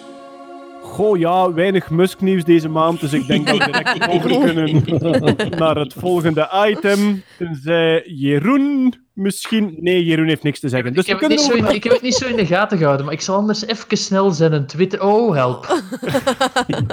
Het straffe was dat je hem niet in, in de gaten hoefde te houden en dat het u Nee. sowieso bereikte. Het is zo crazy. Het probleem is, iedereen zit met de porren van allee, Jeroen, nu is hem toch zot aan het doen. En hoe zotter dat hem doet, hoe minder dat ik er eigenlijk over te zeggen heb. Want dit is, te, ja, dit is gewoon te bizar om nog... Ja, dit, dit heeft zelfs geen voeten in de aarde niet meer. Dit is voetjes van de grond, eh, full... Ja, op de trein naar Crazy Town. Ik, kan niet, ik weet niet, er valt gewoon niks meer over te zeggen. Op Twitter zijn ze, aan, zijn ze aan, aan het gokken wat dat hem gepakt heeft. Hè? Of dat coke is, of dat Advil is, of dat... Allee. Het is Vanilla Musk, ik zeg het u. Die Het is, man het is Bleach dat hem gepakt heeft. We gaan, even, we gaan even zeggen, want we nemen weer een risico met onze podcast. We zijn nu aan het praten over iets wat zich live voor onze ogen aan het, eh, aan het ontwikkelen is. Ontrafelen is, laten Ja. we het noemen zoals het... Het is nu 1 mei en Musk is gek aan het worden op Twitter. Eh enfin, we moeten zeggen gekker aan het worden is op Twitter. Ehm, als we even de etymologie erbij pakken. Hij was al een tijdje corona-ontkenner. En met een tijdje moet ik helaas zeggen twee maanden. Ehm, hij, hij heeft al getweet van tegen het einde van april is alles voorbij. Ja, dat, we zijn nu het einde van april, dat is niet zo. Hij tweet nu Free America Now. Eh, iedereen moet terug aan het werk. Kijk, ik snap dat je als ondernemer ergens een drive en een doel hebt en dat je je plan en je vooruitgang gedwarsboomd ziet, maar dit is groter dan uw fabriek. Hmm. En hij, hij is het echt volledig aan het verliezen. Het is, het is Hij heeft zijn, zijn, zijn Twitter- zijn Twitter-icoontje ook veranderd in Deus Ex. Dat is de cover van een zeer goed computerspelletje. Dat gaat over een gekke industrieel die mensen aan het werk wil dwingen tijdens dat er een virus woedt. En op een of andere manier heeft hij niet door dat hij de slechterik in dat spel is. dat, allee. Ja, het- Goh, dat is, dat is zijn indekking om het, om het achteraf als ironie te kunnen afdoen, natuurlijk. Ja, ja. Maar we gaan even gewoon, en eh, ik zeg het, we nemen een risico omdat over dingen, eh, we praten over dingen die nu gebeuren. En onze podcast, ja, die, die gaat meestal over de voorbije maand, dus over langere termijn. Maar dus wat heeft hij vandaag allemaal getweet? Ik ga al mijn fysieke bezittingen verkopen, zelfs mijn huis. Hij heeft eh, half poëtische teksten over de Amerikaanse vlag. Rage against the dying of the light of consciousness staat ertussen. Het is van een soort bombastische... Het is eh Els Ampe-niveau in feite. Hè? Ja. Vijf minuten Deus Ex gespeeld heeft, al die filosofie naar zich genomen heeft en nu zoiets heeft van, oh mijn god, dit is kei diep, ik ga dat delen. En ik denk, de tweet waarmee dat hij het ergst in de problemen gaat komen Ja. is, op dat moment heeft hij getweet, Tesla stock price is too high, Ja. in my opinion. Ja, ja. Ja. En dat is toch wel een beetje marktmanipulatie waar ze bij eh, in de feest niet mee zullen kunnen lachen, denk ik. Ja, vooral omdat de Tesla-stok direct een duik genomen heeft. Echt na die een tweet is die een, een heel stuk naar Ja, beneden der- gegaan. 13% omlaag, denk ik. Oeh, Ja, amai. voilà. Ja. Maar hij heeft toch al eens een boete gekregen Ja. voor, ehm, met van de, Ja. van de beurswaakhond, hè? Toen hij zei dat hij de Tesla-stok ging verkopen aan 420. eh meme lord als hij is. eh. Eh, het is geweldig bizar. Ehm, Jeroen, wat dat betreft, het is 5-0 voor Team Musk Skepsis deze maand. Eh, Zeg. dit is. Die t-shirts verkopen zichzelf niet. Ah, Ja, zeg, maar het ik weet wat dat er aan de hand is, hè. Het is baby jitters, hè. Baby's due on Monday, hè. Is het waar? Ja. Ah, Ja. de baby met Grimes. Ja, ja, ja. Dat, dat, dat heeft hij gereplied op die tweet dat hij zijn huis en al zijn bezittingen ging verkopen. Daar heeft- heeft hij droogjes nog later op gereageerd. Mijn vriendin Grimes is kwaad op mij. Ja. Ik vraag me af waarom, Elon. Allee, Ik vraag me af waarom. Super stabiele papa. Die zit midden in, een- in haar nestdrang en jij verkoopt een huis. Ja, oké, ja, het is misschien eh, een goed idee. Maar ja, ehm, hij begint al maar... Want ja, hij heeft ook een tijdje, een paar dagen terug, heeft hij getweet dat hij ehm, de tweets van McAfee best wel tof vond.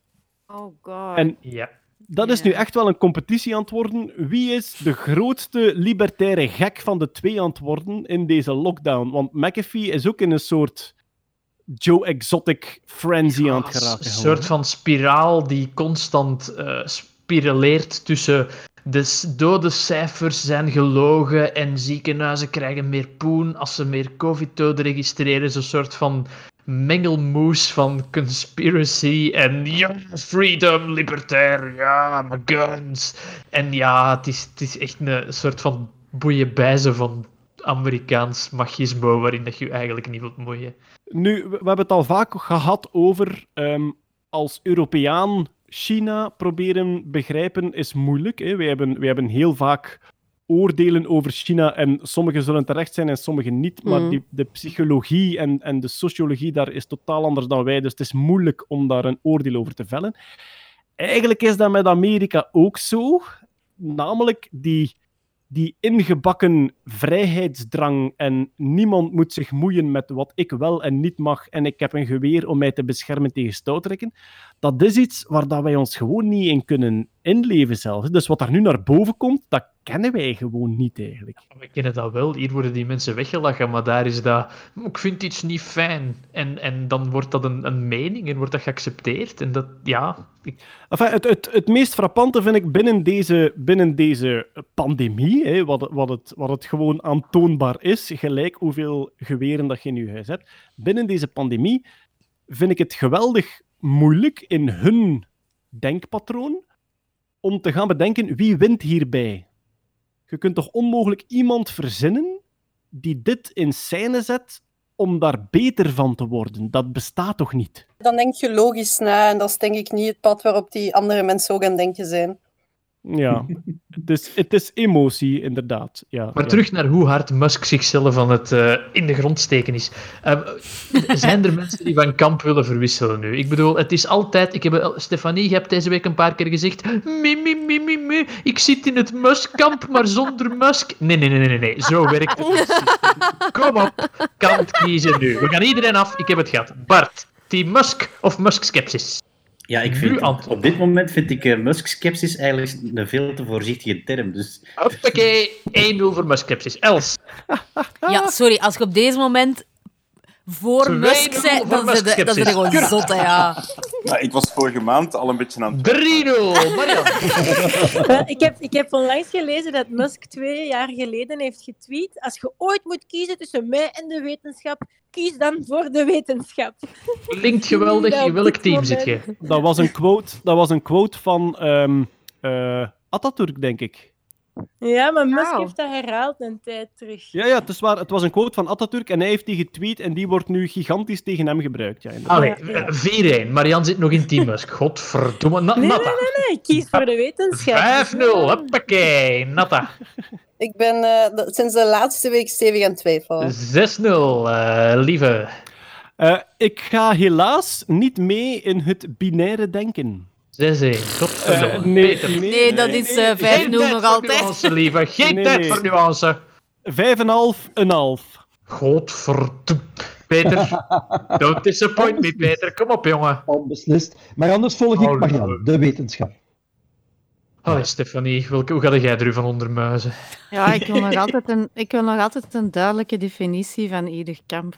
En dat heb ik nog altijd Voilà, maar kijk, maar ik denk dat, we het- ja. ik denk dat eh, de persoon Musk, die valt niet in twee te splitsen, maar in, in 380. Mhm. Ehm, ik vind nog altijd wat er verwezenlijkt is bij Tesla en bij SpaceX, dat is echt gigantisch. Dat is ja, ongezien. Maar wat, wat het hij nu aan het produceren is op persoonlijk vlak, ja, daar kun je niet in meegaan. Ik doe niet... Voor een, wat voor een cheverige enerzijds, anderzijds, godverdomme, is dat hier, Wouter Beke? Nee, De werkelijkheid, de werkelijkheid is nu eenmaal enerzijds, anderzijds. En Jeroen, ik doe, ik doe niet aan onvoorwaardelijk fandom. En helaas, op internet zie je ze verschijnen. Hè. De mensen die nu achter Musk aanhuppelen, als zijnde de heiland heeft het gezegd, dus we moeten allemaal terug naar buiten. Ik doe niet aan onvoorwaardelijk fandom. En op dit moment ja, is zijn ster zeer tanende. De man doet het niet goed. Nee, dat klopt volledig. Ja. Maar dat is ook, dat is ook een, weer al de reden, of toch een beetje een voorbeeldje, waarom dat je ja, fan, of best gewoon fan bent van iemand zijn verwezenlijkingen en zijn ideeën, maar, maar de persoon zelf niet te hard op een ja. pedestal zet. Maar ja, goed, dat is, dat is uiteindelijk wat ze noemen eh, cognitieve dissonantie. Hè. Jij- enerzijds waardeert je iemand omwille van zijn verwezenlijkingen en anderzijds doet hij iets waarvan dat je denkt, dit is gewoon idioot. Cognitieve dissonantie is, je moet die twee in je kop proberen met elkaar in evenwicht te doen komen. En meestal is de reflex van de mens, je kiest voor ene kant of de andere kant. Ja. Ofwel zegde, al zijn technische verwezenlijkingen zijn ook allemaal kak, ofwel zegde, alles wat hij nu uitkraamt is ook geniaal. Ja, ik hoop dat het genuanceerder is dan dat eigenlijk. Ja. Hoop van niet. Of de t-shirtverkoop daalt. Ja, voilà. Goed. Ja, we gaan, eh, we gaan even dan toch kijken naar de bedrijven die Musk eh, leidt en die toch nog op een manier draaien, ondanks de, de, de madness of King, eh, King George, is dat zeker? Wie, wie had de madness? Ja, King George. King George, Ja, voilà. Dus de bedrijven die toch nog draaien, ondanks de madness of King George. Eh, er zijn Starlink-satellieten over België gevlogen. Wie heeft Oh, ze gezien? ja. Ik heb ze Ik heb gezien. gezien. Ja. Ja. Kijk, eh, jij vertikt het. Nee, nee, ik, heb ze, ik, heb, ik heb ze- ik heb ze ook één avond gezien, maar per ongeluk. Ik, was gewoon, ik dacht, ik ga eens de mooie, de mooie maan bekijken. En ja, dat was zo'n sliert rommel. En ineens zingen daar van die vuile satellieten voor. En je Ja, hebt het, Ja. het hoofd afgewend en op de grond gespuwd. Absoluut. Mijn buren vonden dat minder fijn. Maar... Nee, het is zelfs erg. Mijn buren stonden buiten op straat te kijken. En doordat er zo'n mensenmassa op straat stond, dacht ik opeens van... Ah, ja, het is die een tijd. Dus ik op mijn sokken naar buiten. En ze waren allemaal naar de verkeerde kant aan het kijken. Dus ik was zelfs degene die zei van... Het is daar. Musk-skepsis pedantisme. Ja, absoluut. Ja. Nu, ja, kijk, over Starlink, en dat zeg ik erbij, over Starlink valt veel te zeggen. Ehm, er zijn bedenkingen over de eh, verstoring van astronomische waarnemingen. Mhm. Eh, blijkbaar wordt er nu gewerkt aan toch andere materialen die minder licht zouden weerkaatsen. Swat, dat is voer voor een ander gesprek. Er zijn ook terechte bedenkingen over het netwerkmonopolie dat Starlink zou hebben over dat internetsysteem over satelliet. Maar nu even zuiver over het visuele. Zo'n trein satellieten, zo'n trein satellieten zien, zien voorbij komen, het is hallucinant. Ja, heel schoon. Ja, dus... eh, Maar voor, voor mensen die het nog niet gezien hebben, die het gemist hebben, het komt nog wel een paar keer terug, denk ik. Hè? Ja, nu wat er gebeurt, vlak na die lancering hangen die, hangen die echt dicht tegen elkaar en is dat echt een stippellijntje van satellieten die overkomen. Hoe langer na de lancering, hoe verder die uit elkaar hangen. Maar je kunt die nog steeds zien overkomen. Ehm daar is een, een hele goede website voor, findstarlink.com. Als je daar naar surft, dan eh, vertelt hij u voor uw locatie wanneer die overkomen. Als je het veel beter wilt zien, dan kun je naar Heavens Above gaan of naar setflare.com en daar geven ze dan echt een sterrenkaartje met hoe die voorbij komen enzovoort. Er zullen in de toekomst nog lanceringen zijn van Starlink-satellieten en dan kun je terug dat heel compacte treintje zien, waarschijnlijk Je hebt nog een paar jaar en je gaat verdomme moeten zoeken om nog sterren of de maan te zien. Als je, het, eh, als je het echt om de vijf minuten wilt zien, kun je ook naar het Midden-Oosten. Hoezo? Zo van die lichttreintjes eh, tegen de hemel. bepaalde conflictgebieden hebben dat... Ja, ja. dat politieke Bob, me likey. Nu, ik moet wel zeggen, de recentste lancering van Starlink, daar was iets heel wonderlijk aan, namelijk 20 minuten na lancering kwam die over België.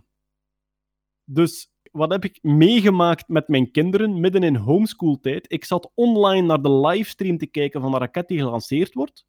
20 minuten later staan wij in onze eigen hof. Wij kijken in de lucht en wij zien die raket die we net op het internet gelanceerd hebben zien worden, gewoon live overkomen boven onze kop. Dat was fantastisch. En het tofste daaraan is, de kinderen waren zo enthousiast dat ik de volgende nacht een hele uitleg kunnen geven heb over low Earth orbits en ehm orbittijden en snelheden om in een stabiele orbit te blijven en hoe snel dat gaat enzovoort. En mijn dochter heeft daar een hele presentatie van gedaan voor haar klas, dus ik was een blije papa. Ik hoor het al, nonkel Jeroen, die is langs moeten komen met zijn t-shirts. ik, ver- ik verzeker u, Jeroen, ik heb de tweets niet vertaald voor de klas. Dat is wel Oh. zeker. Er komt ook een eh, Crew Dragon lancering. Hè, dus een, de bemande Crew Dragon lancering is nu gepland voor 27 mei. Dat is de allereerste bemande lancering van Amerikaans grondgebied sinds het stopzetten van de Space Shuttle. En NASA heeft zijn oude logo terug bovengehaald om op de Falcon 9-raket te zetten. Het zogenaamde Worm-logo, dat in de jaren 80 gebruikt werd. En ze hebben gezegd, enkel voor speciale gelegenheden gaan we die terug bovenhalen. Maar dus 27 mei zouden we terug kunnen een soort online watchparty houden van de bemande lancering naar het ISS. Trouwens, de drie astronauten gaan langer in het ISS blijven dan gepland, omdat ze daar met personeelstekort zitten. Er zit momenteel maar één Amerikaan in het ISS en dat is niet genoeg om al het onderhoud te doen. Dus eh, die nieuwe lancering gaan ze extra lang daar moeten blijven. Ja. Wat heb ik nog staan? De NASA heeft eh, een contract getekend met SpaceX om het Starship te gebruiken voor maanlandingen vanaf 2024. Hola. Ja. Nu dus- wordt het wel heel concreet. Ja, er is een plan om terug naar de maan te gaan in 2024. Dat is het huidige plan. Je weet nooit of dat gaat uitgesteld worden. Ze hebben het nieuwe maanprogramma genoemd naar de zus van Apollo in de Griekse mythologie. Afro... Nee, Afrodite, dat kan niet. Nee. Eh, Apollo Sister. Artemis. Artemis, inderdaad. Artemis. Het nieuwe programma heet Artemis omdat ze dus, ja, als symbool, namelijk de zus is dat dan, denk ik? Een tweelingzus, ja. Ah, voilà, de tweelingzus van Apollo. En het plan is ook om eh, de eerste vrouw naar de maan te sturen. Dus om er echt voor te zorgen dat bij de eerste lancering er ook een vrouwelijke astronaut aanwezig is. En eh, ze hebben dus ja, contracten om te kijken wie, wie gaat die ruimtetuigen leveren. En dus de, het Starship is een van de kanshebbers. En het Starship zou dan effectief mensen naar de maan brengen. We gaan zien of het er ook effectief van komt. Ik heb ook Tesla-nieuws, want er is iemand op het internet en die dacht: ik heb zin in een projectje. Wat heeft hij gedaan? Een benzinemotor gemonteerd in een Tesla Model 3. Jeroen, je lacht iets te, iets te, eh, ja, iets te gretig. dat, is, dat is toch een fijn projectje? ja, dat is waar. Het doet mij een beetje denken aan, ik denk zo begin jaren 2000 had je een kerel die op het internet een verslag bracht van hoe dat hij zo een Macintosh desktop omgebouwd had tot Windows PC. Enfin. Ja, dat was, een, dat was een kerel en die had geschreven van ja, ik ben een gamer en ik wou een Windows PC en mijn ouders hebben mij zo een Mac... Maar zo, ik weet niet hoe dat die heette, zo die grote rechthoekige bakken met twee handvaten aan van boven. Ja, ja, ja. Oh, die heb ik, daar heb ik nog keiveel op les gegeven. Dat waren, ja, dat waren de iMac, eerste? IMAX. Ja. Ja, zo- echt van die gigantische, peperdure, maar heel performante toestellen. En die kerel had, achteraf bleek het een hoax te zijn. Hij was gewoon aan het trollen. Hij wou Oh. gewoon even zien wie wordt er hier kwaad van. Maar de reacties waren zo razend. Met het, het semi-transparante appelblauw-zeegroene eh, frame eh, hadden die Ah, iMacs. eh. Als die 15 jaar oud waren, kon ik daar nog perfect videomontage op geven. Hè. Dat was geen enkel probleem. En dat waren de, daar gaat er ook zo met bloemetjes en zo. Dat was echt hele toffe computers. Ik zou dat geen computers noemen, maar ja, ieder zijn, eh, ieder zijn ding. Maar eh, die had zo, ja, die had zo'n hele montage gemaakt en zo de uitleg van ja, mijn ouders hebben dat gekocht, dus ik wil niet dat die zich gekwetst voelen, dus ik ga heel die Windows setup bouwen in die case van die Mac. En die kreeg kunnen nu echt, kunnen nu, kunnen nu echt gewoon een, diesel, kunnen nu echt gewoon een verbrandingsmotor in een Tesla steken en dat werkt, of wat? Ja, ja. Serieus? Dus, ja, blijkbaar. Ik heb het, een, een, eh, een onkel van mijn vrouw is garagist en ik heb het daar ooit met hem over gehad van motor verwisselen, benzinemotor naar elektrische motor enzovoort, is dat te doen? En hij zei, dat, dat is redelijk goed te doen als je de overbrenging juist zet. Maar ik Ja. moet daarbij zeggen, wat die persoon gedaan heeft, is, hij heeft van een Tesla Model 3 een hybride auto gemaakt. Ah, oké, Dus- maar dat is iets Ja, anders. ja, dat is absoluut iets anders. Want voor zover dat ik het begrepen heb, is volledig de aandrijving nog altijd elektrisch en zit er Ah. een kleine verbrandingsmotor in om ook elektriciteit te leveren. Ah, er zit gewoon een generator in dan. Ja, voilà. Een, een benzinegenerator. Ja, voilà, inderdaad. We hebben eh, Jeff Bezos nog. Of moeten we nog iets over McAfee zeggen, Jeroen? Die, nee, die zit ook op de, de, de trein naar Crazy Town. Daar valt eigenlijk... Er, er, er hebben nog een paar Het is daar wel gezellig momenteel, ja. Ja. Ze kunnen een kaartje leggen. McAfee heeft weer getweet dat hij wel in podcast zou willen verschijnen. Dus keiveel mensen hebben ons aangepoord van hey, McAfee in de podcast. En ik wil nog eens herhalen dat ik gemaild heb met zijn vrouw Chanel of Chenise of dat ook heet. En die man die Ah, wil, die, die wil best in de podcast inbellen, maar die moet eh, een half uur tot drie kwartier onafgebroken aan het woord kunnen zijn. En het stukje podcast waar hij in begint te roepen over wapens en drugs en, en, en kontneuken, of weet ik veel wat allemaal dat die man momenteel interesseert, eh, moet apart online gezet worden. En dan begint het toch een beetje minder een mopje te worden en meer een beetje propaganda. En dan voel ik me daar niet zo eh, dus eigenlijk, wat hij wil in. is, hij wil een half uur van zijn complete crazy propaganda, wil hij ononderbroken onder het Nerdland-label online hebben. Ja. Ik hoor En- een en eh, we, we- we kijken even naar onze special. manager. Leslie klikt hevig nee. Ik wil dat anders wel een keer monteren, eigenlijk. ja. Daar is weinig aan te monteren, omdat je gewoon niet moogt. Ja, maar ja, Nee, hè, je moet dat... Nee, nee, nee, nee, nee, nee. De afspraak is, je moet het zo online zetten in je kanaal, wat dat je daarna bootleg op Twitter lekt.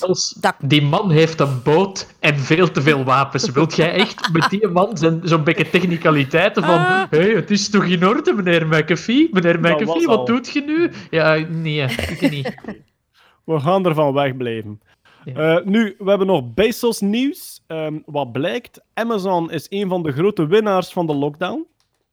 Die, eh, ja, die verkopen zoveel online met die lockdown dat die gigantisch aan het stijgen zijn. Jeff Bezos is sinds het begin van de crisis 24 miljard rijker geworden. Oh my god. De schatting is dat de verkoop van Amazon op dit moment 11.000 dollar per seconde is. Wereldwijd. Maar er is gigantisch veel kritiek op de gezondheid van de werknemers.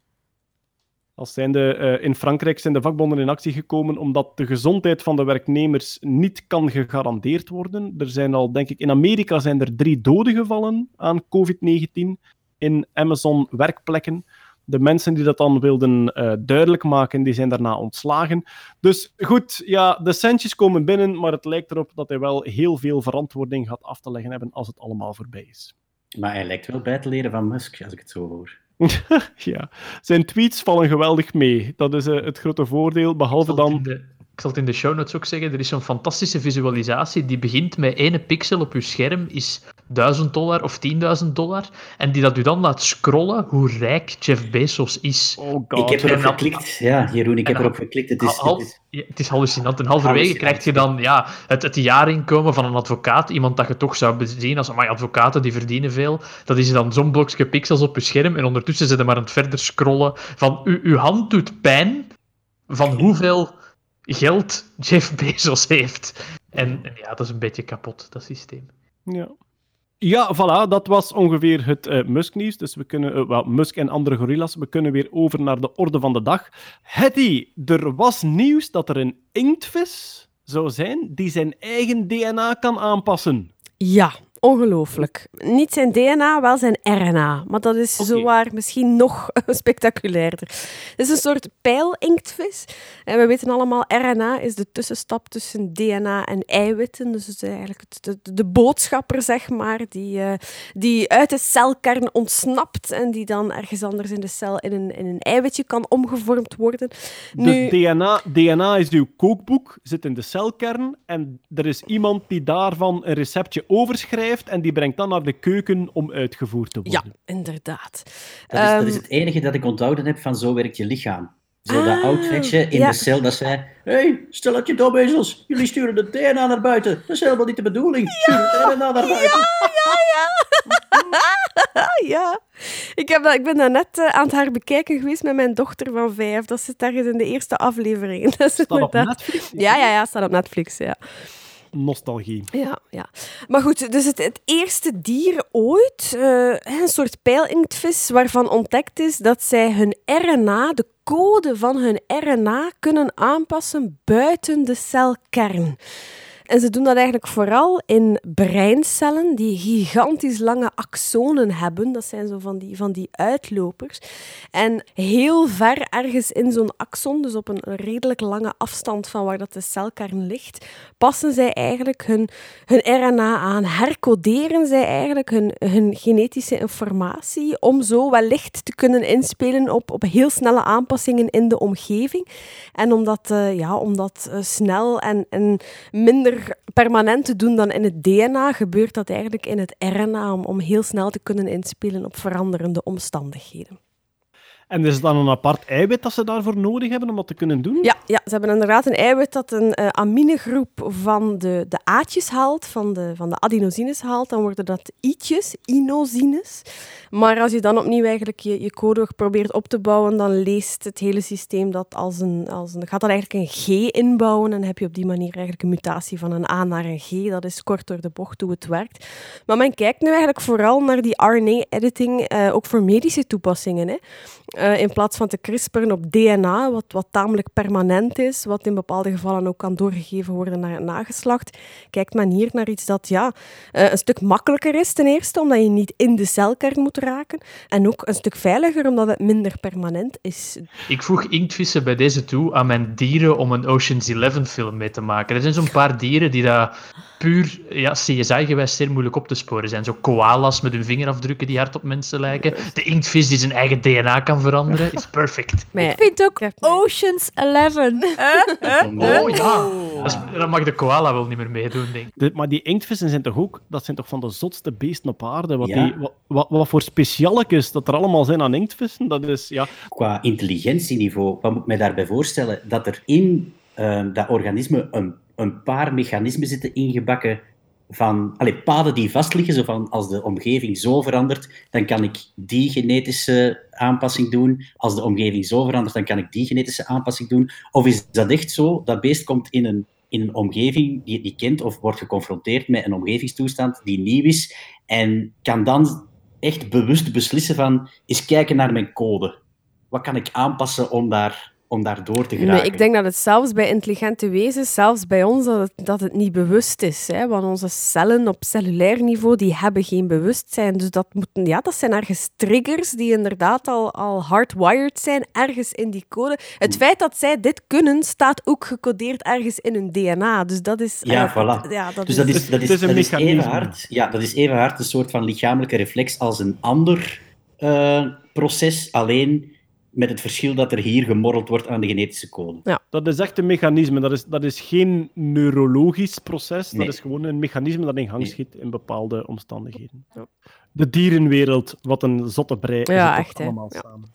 Maar we gaan ook nog even naar de chemie, want Hetty, wat blijkt, we gaan waarschijnlijk beginnen aan het achtste rijtje van de tabel van Mendeleev. Ja, inderdaad. En wat misschien niet veel mensen weten, is dat eh, toen ik eh, ooit de keuze voor biotechnologie gemaakt heb, dat wij daarvoor eerst nog ofwel een kandidatuur chemie ofwel biologie moesten doen. Dus ik ben in mijn hart een, een kandidaat in de chemie. Dus die chemie ja, ligt, ligt mij nog altijd heel nauw aan het hart. Eh, begin 2016, hè, dus een viertal jaar geleden, kregen we het nieuws dat die zevende rij eindelijk vol was. Ze hebben daar toen vier elementen aan toegevoegd, 113, 115, 117 en 118. Dat we zijn... gaan dat misschien even duiden voor de luisteraar die niet thuis is in de chemie. Ik Ja. hoop dat iedereen dat beeld voor zich heeft van die tabel van Mendeleev. Van boven heb je dan rijtjes die niet compleet zijn, hè, omdat, ja, omdat daar nog te weinig protonen en neutronen in die cel zitten. Dan krijg je lange rijtjes en uiteindelijk krijg je rijen die ja, van, van begin tot einde helemaal compleet zijn. Hoe meer protonen er in die kern van een atoom zitten, ehm, hoe dieper dat je komt op die rij. En dus het laatste element van de rij is altijd een edelgas. En dus rij 7 was vol. Dat is volgemaakt met atomen die heel onstabiel zijn. En nu gaan we hopelijk beginnen aan rij 8. Waarschijnlijk ook met onstabiele atomen. Ja, die zijn super zwaar en inderdaad eh, zeer onstabiel. Hè. De bestaansreden om opgenomen te worden in de tabel van Mendeleev is je moet minstens 10 tot de min 14e seconden kunnen bestaan. En Dus wacht hoor, je moet... Je Stabiel moet, blijven. Ja, je moet, Ja. een, je moet een dan- fractie van een seconde stabiel blijven. Dus, Dus, Els, ja, Els Ampe kan nooit in die tabel. Die naar element is, Bart.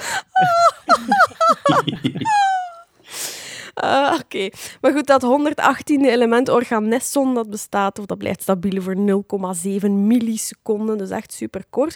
Vermoedelijk, die, dat openbreken van die achtste rij, dat is trouwens allemaal synthetisch. Hè? Dat, dat gebeurt hier met lichtere en zwaardere eh, atoomkernen met elkaar te, te proberen laten botsen en zo een, een, een- een nieuw element te laten ontstaan.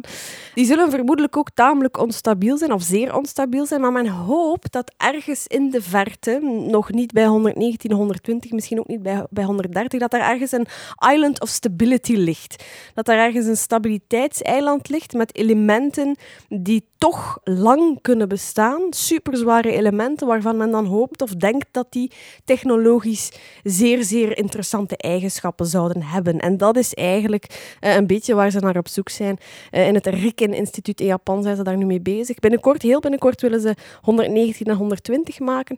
En ze hopen daarmee over twee decennia dat eiland te bereiken. Ah, wel, maar dus daarover kunnen we zeggen, hoe maakt je die zware atoomkernen ja, eigenlijk door iets lichtere atoomkernen samen te schieten? Ja. En er zijn steeds betere technieken, zelfs qua richting en qua kracht, om die op een zodanige manier samen te schieten dat die effectief samen blijven gedurende een fractie van een seconde. En die Island of Stability vind ik geweldig interessant, omdat je hebt dus zoiets als de, de isotopentabel, waarop gekeken wordt, elke kern bestaat uit een aantal protonen die vooral bepalen welk element het is. Is het ijzer of is het neon of zoiets, wordt bepaald door het aantal protonen. Een aantal neutronen daarbij om de kern stabiel te houden. Dat kan een beetje variëren, dat kennen we van koolstof. Je hebt koolstof 12 of, of je hebt koolstof 14, waar dan twee neutronen meer in zitten. Sommige daarvan zijn eh, stabiel, sommige vervallen na honderden jaren, na duizenden jaren, sommige vervallen na milliseconden. Maar er zijn speciale plekken op die isotopentabel, waardoor door bepaalde combinaties van protonen en neutronen dat toch langer stabiel blijft.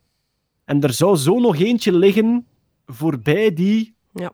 element 118 waar we nu zitten. Ja. Is, is dat een hoopvol vermoeden of is dat echt redelijk mooi berekend? Dat is berekend op basis van... Bart, ik weet niet of dat jij je dat nog herinnert uit eh, onze studietijd eh, in de natuurkunde. Je had zo op een bepaald moment hadden zo formules die moesten inschatten welke combinatie van protonen en neutronen er stabiel waren en welke niet. En dat had dan te maken met oppervlakte van de bol, volume van de bol enzovoort. Ah ja. Goh, dat steekt zeer ver weg. Ja. Ja, en op basis daarvan hebben ze berekend, ja, trouwens, we zien die islands of stability, we zien die al elders opduiken in de tabel ook. Er zijn bepaalde combinaties van protonen en neutronen die veel stabieler zijn dan andere. En dat is gebaseerd op dezelfde berekening. Dus er wordt zo vermoed dat er ergens voorbij die 120 nog een paar stabiele isotopen te vormen zijn. Ja. Ik kan er niet aan doen. Ik ben een metalen man. Kobalt, nikkel, zink. Kan ik me eens bij voorstellen. Metal, man, metal. Tet- Tetterium of samarium of wat ik hier allemaal zie. Nee, zegt me niks. Wel ja, maar de, Moet niet- de, moet niet op de tabel. De namen voor die superzware zware elementen, dat gaat ook nog een uitdaging worden. Want ik geloof dat de, de laatste paar zware elementen, die krijgen dan van die rare Latijnse namen zeker, hè, Isan? Ah, wel, eh, meestal als er een soort hypothetisch element is Ah ja, juist. kunnen vol- vormen, Ja. dan krijgt dat een naam die een soort pseudo-Latijn is. Een beetje Ja. zoals eh, element 111 werd vroeger unununium genoemd. Ja. En dan element 112 was ununduium, hè, wat dus qua allee, Latinisten die krijgen nu de wubbes als ze dat horen. En dan als ze ontdekt zijn, krijgen ze een naam van de onderzoeksgroep en meestal wordt Ja, dat genoemd voilà. naar de plaats van de onderzoeksgroep of naar een wetenschapper. Eh, Ja. zoals Berkeleum eh, Ja. eh, heeft een naam, Moscovium heeft een naam. Of, Mag ik- Californium. Of Waar is strontium naar genoemd? Garage doen. Die- Strontium- strontium- Naar, de- naar, naar de ontdekker, meneertje Stront. ja, nee. Is dat, ik denk, een, een, een plaats in Scandinavië of Het zo? opzoeken. Nee, Het het- het komt- is een, ja. een, een village in Scotland. Ah, voilà, ja. Scotland. Nee, of uit het Scotland. mineraal. Volgens mij komt het uit het mineraal. Stron- Strontianiet of zoiets. Eh, Beide strontium en strontianiet zijn vernoemd naar Strontian, eh, het, het, het, het plekje. Oh, kijk. Strontium. Voilà. Strontium is een kijk. town in Scotland, in the west of Scotland. Super. Super. Maar meestal worden ze genoemd... Meestal worden ze genoemd inderdaad naar de plaats van ontdekking of naar een bepaalde wetenschapper. Ja, die of een groep. Of een, ja. Maar dus ja, we beginnen hopelijk binnenkort aan een nieuw rijtje in de tabel van Mendeleev. Elementen die zeer kort bestaan, maar die wel zeer boeiend zijn. En dus misschien een island of stability eh, in zicht in Wie de verte. weet, wie weet. We hebben daarnet al coronanieuws gehad, maar ik heb het al aangekondigd. Ja, er vallen vele slachtoffers aan het COVID-19, aan de ziekte. En eentje daarvan is een klepper uit de wiskunde, en dat is John Conway. Mhm. Eh, John Conway is een Britse wiskundige die dan in Amerika gewoond en gewerkt heeft, daar ook overleden is. 82 jaar, overleden aan COVID-19. Hij is, ja, het is een wiskundige die bekend is van vele dingen, maar het meest bekend van de Game of Life. De Game of Life is een heel eenvoudig principe. Je neemt gewoon een ruitjesblad, je kleurt bepaalde vakjes zwart en bepaalde laat je wit. En dan is de regel: elk zwart vakje dat twee of drie zwarte buren heeft, blijft zwart. Als het er 0 of 1 zijn, gaat het dood. Als het er 4 of meer zijn, wordt het wit ook. Elk wit vakje dat drie zwarte buren heeft, wordt ook zwart. En dat zijn alle regels. En op basis daarvan kun je allerlei dingen construeren, eh, vormen die zichzelf in stand houden, vormen die voortbewegen enzovoort. Ja. John Conway zelf, op het einde van zijn leven, had hij het wel een beetje gehad met de Game of Life, omdat hij nog heel veel ander onderzoek gedaan, maar iedereen was alleen maar bezig over de Game of Life. Hij was dat kotsbeu. Maar de Game of Life is wel iets fantastisch als het gaat over complexiteit creëren uit Ja. eenvoud. Hmm. En in die zin is, eh, is de naam ook heel mooi gekozen hè, van het spel. Ja, absoluut. Ja. Omdat hij... Turing, het is ook Turing compleet, hè, wat dat erop neerkomt dat het, je eigenlijk alle mogelijke berekeningen kunt doen, puur gebaseerd op de Game of Life. Nu leg ik Turing compleet echt uit op een totaal debiele manier, maar het komt erop neer dat je daar een opteller en een aftrekker vermenigvuldiger in kunt programmeren in de Game of Life. Je zou kunnen een computer maken van de Game of Volledig, Life. ja. Turing compleet. Ja. Heeft iemand het ooit gespeeld of ermee geëxperimenteerd? dat in de programmeerlessen is dat meestal een eerste, een eerste opdracht. Hè. Naast priemgetallen berekenen, de Game of Life schrijven is, eh, is meestal een, een, een leuke eerste opdracht. Els ook mee gespeeld? Ja. Ja, bij mij is dat zoiets als ik zo... Kende zo, soms kun je niet slapen omdat er te veel dingen in je hoofd zitten en, en je zet te veel. En dan is de Game of Life echt de max. Gewoon een paar dingetjes kleuren en dan zo go en dan een beetje zien wat dat er gebeurt. Ja. Ja. We moeten de, eh, de plaats waar je het online zelf kan spelen misschien wel in de show notes zetten, niet? We gaan Maar er zijn heel wat plekken, hè? Ja, we gaan sowieso plekken online zetten waar dat je het zelf kunt spelen, ermee kunt experimenteren. Maar op basis van die hele simpele regels zijn er onmiddellijk allerlei dingen ontwikkeld. Dus je kunt structuurtjes bedenken die zichzelf in stand houden, die zichzelf eigenlijk herhalen. je Glider kunt guns, structuurtjes... Ja. de glider is de bekendste, maar je kunt ook glider guns maken, structuren die gliders produceren. En de complexiteit van figuren die je kunt maken, die ofwel zichzelf in stand houden of die andere structuren produceren, is hallucinant. We gaan een paar filmpjes online zetten. Ik vind het, ik vind het letterlijk ontroerend om sommige Game of Life structuren te zien bewegen. Ik vind dat ook altijd tof als je zo ja, een hele schone, symmetrische structuur dan tekent op dat gigantisch ruitjesblad dan. En, en, en je hebt dan zoiets van, je hebt dat dan wel zo'n beetje bedacht en dit gaat zo'n beetje die richting uit en die.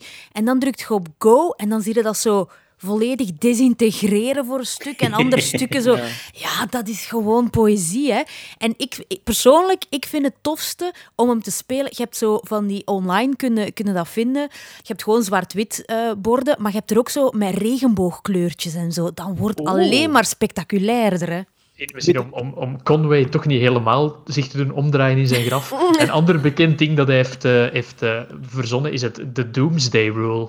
Dat is een manier om een willekeurige datum te weten of dat dan een maandag, dinsdag, woensdag, donderdag, Ah, vrijdag, zaterdag, zondag was. Dat is van hem en dat is zo'n formule. Ik kan ze niet helemaal uitleggen, maar je kunt u daarop trainen. En hij kon binnen de twee seconden het antwoord geven. eh 3 januari 1773, wat voor een dag was dat? Ja, en om zichzelf te blijven, allee, die kunde aan te leren, toen zijn computer opstartte, werden er altijd eh, tien vragen gesteld. Hè, tien van die vragen. Welke dag was 6 juni 1986? Dat is toevallig mijn geboortedatum.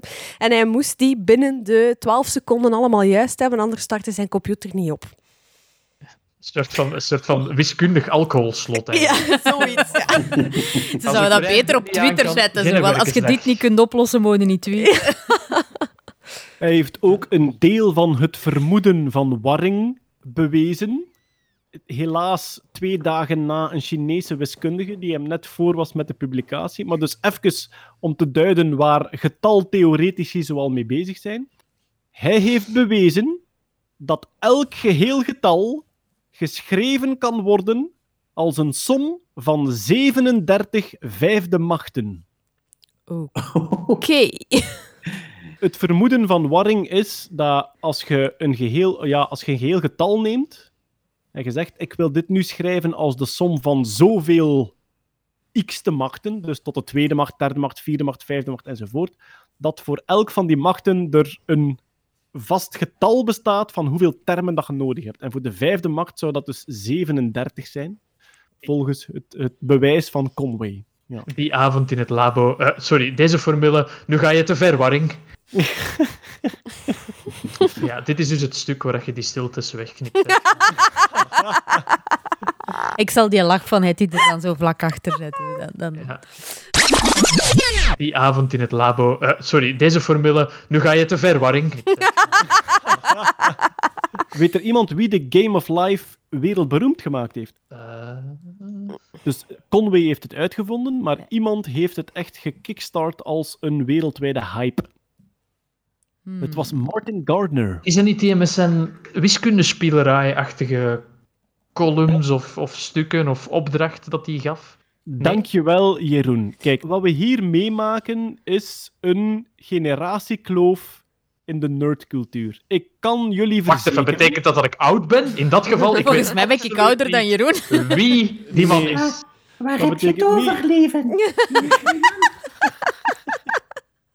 Moest... Ja, Peter is nu vertrokken. Ik denk dat Peter hem misschien wel zou kennen. Peter heeft er nog Alle- op school gezeten, sowieso. Ja. Kijk, ik kan u verzekeren, Jeroen, al onze luisteraars boven de 50, die zitten nu te vloeken in hun stoel dat wij niet weten wie Martin Gardner is. Martin Gardner... Dat, dat Els, Bart en Hetty en Natta niet weten wie dat Ja. is. En Stefanie en Kurt.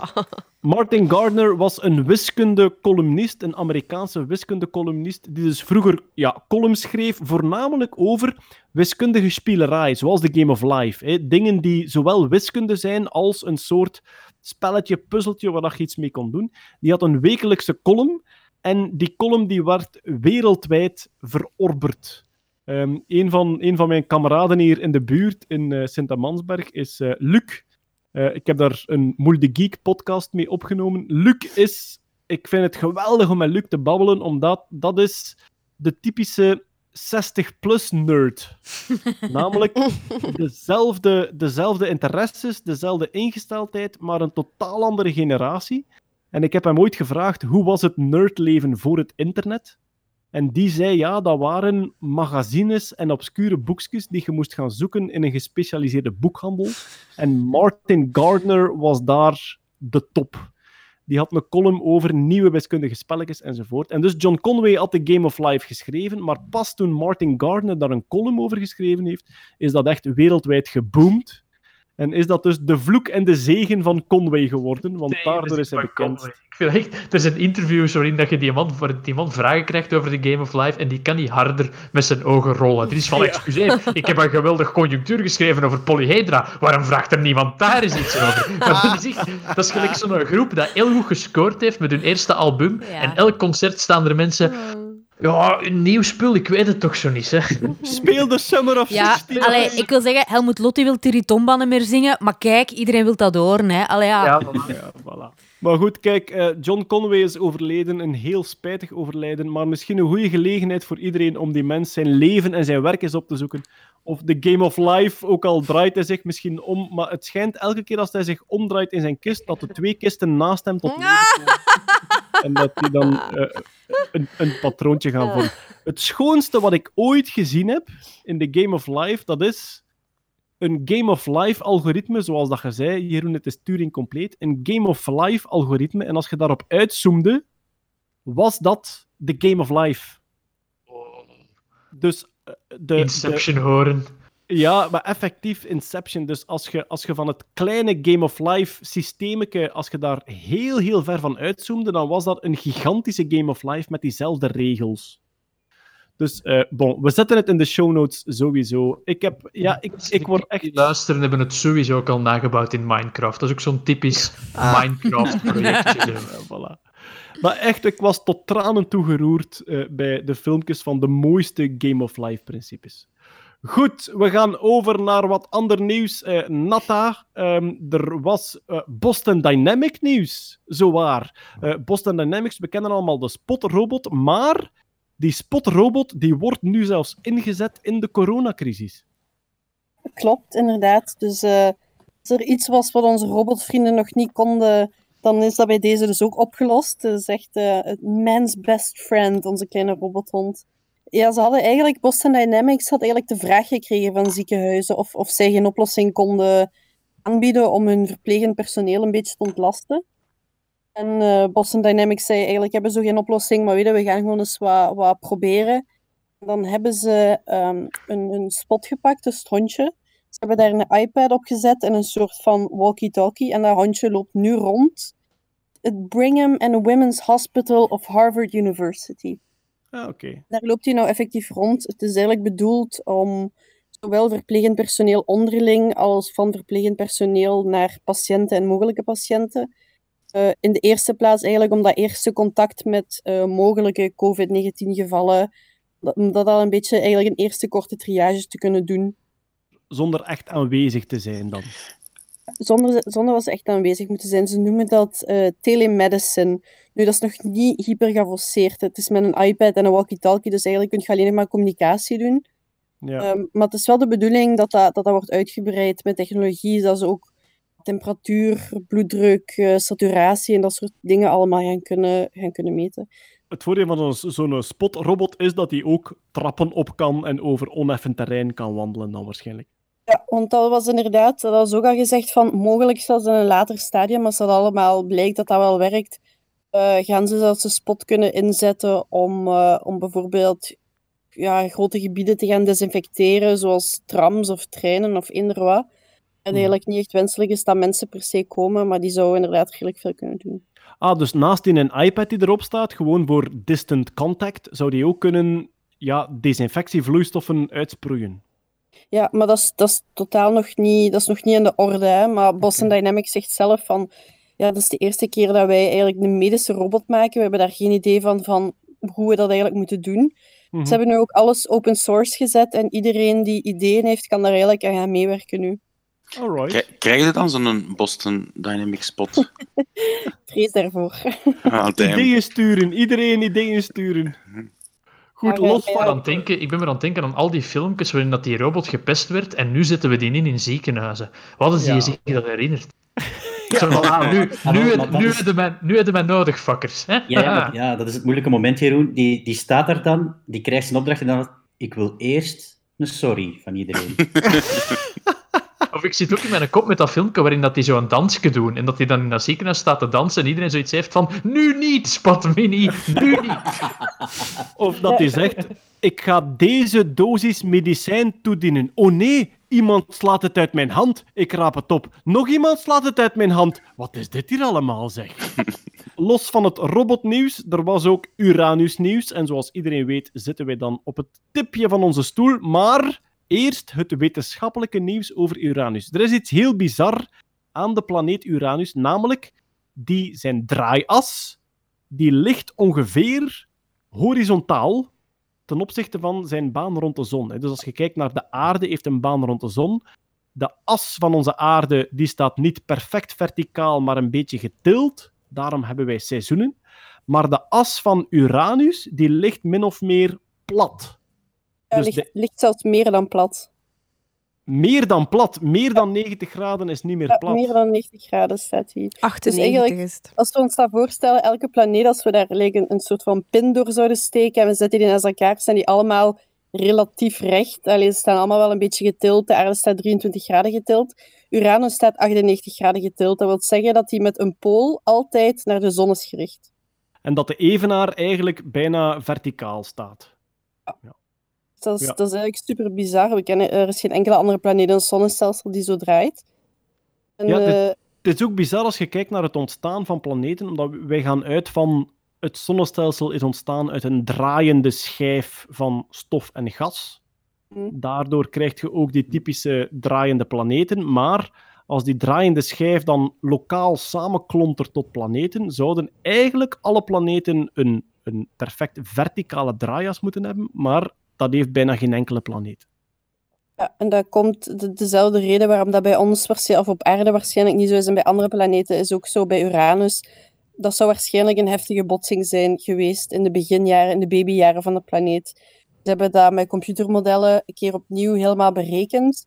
Eh, en dat zou nu officieel opnieuw bevestigd zijn dat dat de reden is waarom Uranus eh, heel gek rondrolt. Dus je hebt, je hebt een planeet die heel mooi ronddraait met een verticale as. Daar slaat een zwaar object op in. En daardoor begint die een beetje te tollen uit zijn as, zoals bij de aarde. Bij de aarde wordt vermoed dat zowel het ontstaan van de maan als onze afwijkende as door een botsing is met Theia, een soort veel kleinere planeet die ooit op de aarde gebotst is. En bij Uranus zou dat ook gebeurd zijn dan. Klopt, dus daar zijn ze nu inderdaad opnieuw over uit. Eh, grappig is ook wel dat Uranus er ongeveer 84 aardejaren over doet eh, om een volledige omwenteling om de zon te maken. Dat wil zeggen dat elke kant van Uranus dus eigenlijk altijd 42 jaar zonder licht zit. 42 Oh. jaar nacht en 42 jaar dag. Klopt. Wauw. Ja, behalve als je op de Evenaar woont, dan heb je een soort constante schemering eigenlijk. Ja. Maar Natta, uiteraard de reden waarom wij dit nieuws vertellen. Eh, deze hele historie leidt uiteraard weer tot een soort krantenkoppen over Uranus in het Engels. Wat was de prachtige titel waaronder wij dit nieuws mochten vernemen? Did Uranus get smacked so hard it spun sideways? Voilà. Uranus got smacked so hard it spun sideways. Ik wil er een t-shirt van eigenlijk. Het is Ik verwacht er tien andere planeten achter die zo oeh roepen erachter op een of andere manier. Jeroen, we blijven in de ruimte, want we gaan naar het UFO-nieuws. We hebben het al gemeld. Er was een soort UFO-video. En dan bedoelen we UFO, Unidentified Flying Object. Dus iets wat vliegt en we weten niet wat het is. We bedoelen niet buitenaards wezen.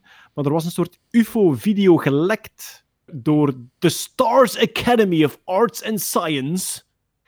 Maar wat is er nu gebeurd? Het Amerikaanse ministerie van Defensie heeft diezelfde video ook gereleased als zijnde dit is effectief gefilmd geweest. Drie, drie video's en in elk van die drie video's is het basically, ja, dat zijn dingen in de verte en we weten niet wat dat ze zijn, maar ze zijn in our defense ook gelijk twee pixels, dus ja, is het een vogel, is het een vliegtuig? We weten het niet, want de Dus- resolutie is niet hoog genoeg. Klaar. Het komt, neer, het komt neer op wazige vlek beweegt heel snel. Ja, wazige blik beweegt heel snel of blijft gek stationair of ja, ja, een wazige vlek op een afstand. Dat is altijd een beetje raar, hè, want je weet niet wat dat het is. En voor, voor een vliegtuig gaat het verdacht traag, voor een vogel gaat het verdacht snel. Ja, Dus wat, wat, wat is er gebeurd? Er waren Amerikaanse eh, gevechtspiloten in straaljagers en die zagen op hun instrumenten rare vlekjes. Die leken te bewegen aan gigantische snelheden. Ze hebben die ook in beeld gebracht. Zij gaven daar commentaren op als oh my god, what is that? Uh, it's moving really fast, it's turning around.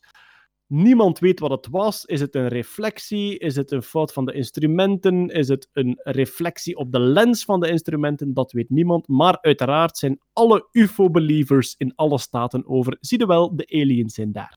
Een semantische discussie. UFO's bestaan, want we hebben inderdaad unidentified flying objects. Soms staat de resolutie van uw apparatuur of de weersomstandigheden of eender welke parameter die dat je hebt als je in een heel duur toestel keihard door het luchtruim zoeft. Soms staan bepaalde parameters u niet toe om een object te klassificeren. Betekent dat dat die objecten aliens zijn?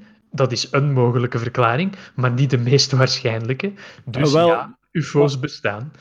Er is een prachtige video van Neil deGrasse Tyson, en ik denk dat we hem hier al vernoemd hebben, waarin iemand uit het publiek vraagt: Geloof jij dat er buitenaards wezen op bezoek geweest is op aarde?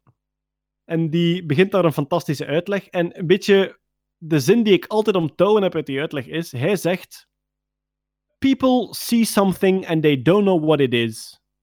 And their conclusion is: I don't know what it is. It must be aliens visiting from outer space. Dat gaat niet. Uw zin moet stoppen na I don't know what it is. Je kunt niet eerst zeggen I don't know what it is en dan een heel specifieke conclusie maken. Dat gaat niet. Net daar, ik ben het daar niet mee eens. I choose to believe. Kijk, ja, voilà. Dus er zijn hele, er zijn hele wazige vlekken gezien. Ik vraag mij ook vaak af, waarom zijn er, zowel van het monster van Loch Ness, als van UFO's, als van Bigfoot, waarom zijn er alleen maar wazige foto's? De reden is simpel. Als het scherpe foto's waren, dan zag je dat het iets anders was. Dus vandaar, er zijn inderdaad UFO-video's gedeclassified, maar ja, bon, het zijn gewoon wazige vlekjes. Nu, wie speelt er een belangrijke rol in dit hele verhaal? Dat is Tim DeLonge. Of hoe spreekt hij dat uit? Tim DeLonge van Blink 182.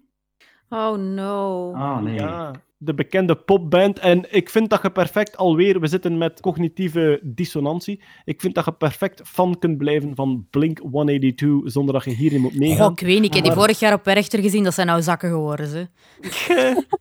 I just saw a UFO. Muziek volgens Lieve Scheire trouwens. Eh okidoki. Ja. Maar blijkbaar is die al van jongs af aan een soort conspiracy freak, zowel met Bigfoot als met UFO's als gelijk wat. En die is nu oprichter van de To the Stars Academy of Arts and Science. En dat zijn de mensen die die video uitgebracht hebben. Goed, hij is nu bevestigd door het ministerie van Defensie, waarschijnlijk om gewoon te zeggen: deze beelden zijn inderdaad gemaakt, maar ze bewijzen niets. We gaan over naar een hoofdstukje Gaming for Science. Want Jeroen, je zou, ja, we wisten het al van sommige andere computerspelletjes, maar nu in Borderlands 3, een computerspel, zou je kunnen de wetenschap helpen door daar een deel van het spelletje te spelen. is een, een minigame in Borderlands 3. En in die minigame doe je eigenlijk een soort van Tetris, maar dan iets anders, met eh, vier soorten kleurtjes. En die vier soorten kleurtjes die staan natuurlijk voor de vier letters in DNA, namelijk, lieve... Eh, ah, GTAC, hè? Ja, en die staan voor guanine, ti- ti- Timine. Timine, Ademine. adamine. Cytosine. Godverdomme, Johnny Trash, dat, is- dat komt niet in dat liedje. Hè. Ik, mijn kennis van CRISPR is beperkt tot het liedje. Heb jij mijn boek nog niet gelezen? En dat van Lieven. Gelezen wel, van buiten geleerd niet. Dat waren de vier gemakkelijkste letters waarschijnlijk, Hetty. in het hier alfabet. nee, maar dus eh, je doet het spelletje waarbij je die kleurtjes sorteert. En wat dat je eigenlijk aan het doen bent, is. Dat is data van een groot onderzoek van menselijke stoelgang. Inderdaad, je bent poepmicroben aan het identificeren. En eh, ze hebben menselijke stoelgang bekeken. En er zijn blijkbaar in uw, in uw lichaam. Het is nu het getal dat ik hier lees. eh, zijn er 50% van de, de, de beestjes dat erin leven zijn niet van u. En ze willen eigenlijk een beetje identificeren wat zijn die, wat doen die daar. Dus ze hebben heel veel stoelsamples genomen. En eh, dat DNA wordt uitgelezen, maar er zitten in het uitlezen van dat DNA zitten foutjes in. En die foutjes kunnen verbeterd worden door dat spelletje te spelen. Dus eigenlijk door een soort van abstract puzzelspelletje te spelen in Borderlands 3. En je krijgt in ruil daarvoor krijg je, eh, ja, geld in het spel, of geweren, of wapens, of een gek hoedje. Help je eigenlijk de wetenschap voort. kan je het enkel spelen in Borderlands 3. Want dus Borderlands 3 is een groot game. En ja, een ergens dat grote game, shooter game. Ja. Ergens in dat game staat er een soort arcade console in de virtuele wereld. En daarop kun je dat puzzelspel spelen. Maar kun je het ook buiten Borderlands 3 spelen? Voor zover dat ik weet, niet. Wat dat je wel buiten Borderlands 3 kan spelen, is het proteïne vouwen, wat dat ze bij Folding at Home ook doet. Van, dat kun je wel eh, apart spelen. Dat is een ander project waarbij dat ze proteïne vouwen om zo'n optimale binding te krijgen voor bepaalde geneesmiddelen, et cetera. Maar dat is Nu- nog een voorbeeld van gaming. Maar dat brengt ons een beetje bij het volgende onderwerp, want er is een ander Gaming for Science projectje, dat heet NemoNet, waarin dat je koralen in kaart moet brengen. Dus het is iets totaal anders. Je krijgt beelden van koralen op de, op de zeebodem, en die moet je in kaart brengen. Dus je moet eigenlijk aanduiden op de foto, dit is waarschijnlijk dat soort koraal, dit is gewoon zeebodem, dit is een ander soort koraal. Het is een spel van NASA dat je kunt spelen, maar wat je daarin doet is, je bent niet zozeer bezig met het in kaart brengen zelf, je bent bezig met het trainen van een neuraal netwerk. Ja, dat zet je eigenlijk aan het doen. Je zet, je zet eh, input data aan het labelen voor het neuraal netwerk. Maar ik vind, ik vind het een wonderlijk project. Dus wat ze eigenlijk willen doen is, ze willen kijken hoe de koraal-biosystemen veranderen over de tijd. Alleen dat is heel moeilijk, want er is een enorme hoeveelheid zeeoppervlak. Al die koralen hebben specifieke vormen. En er is nog een moeilijkheid. Als je luchtfoto's neemt van de zee, krijg je vervorming door de golven van het water.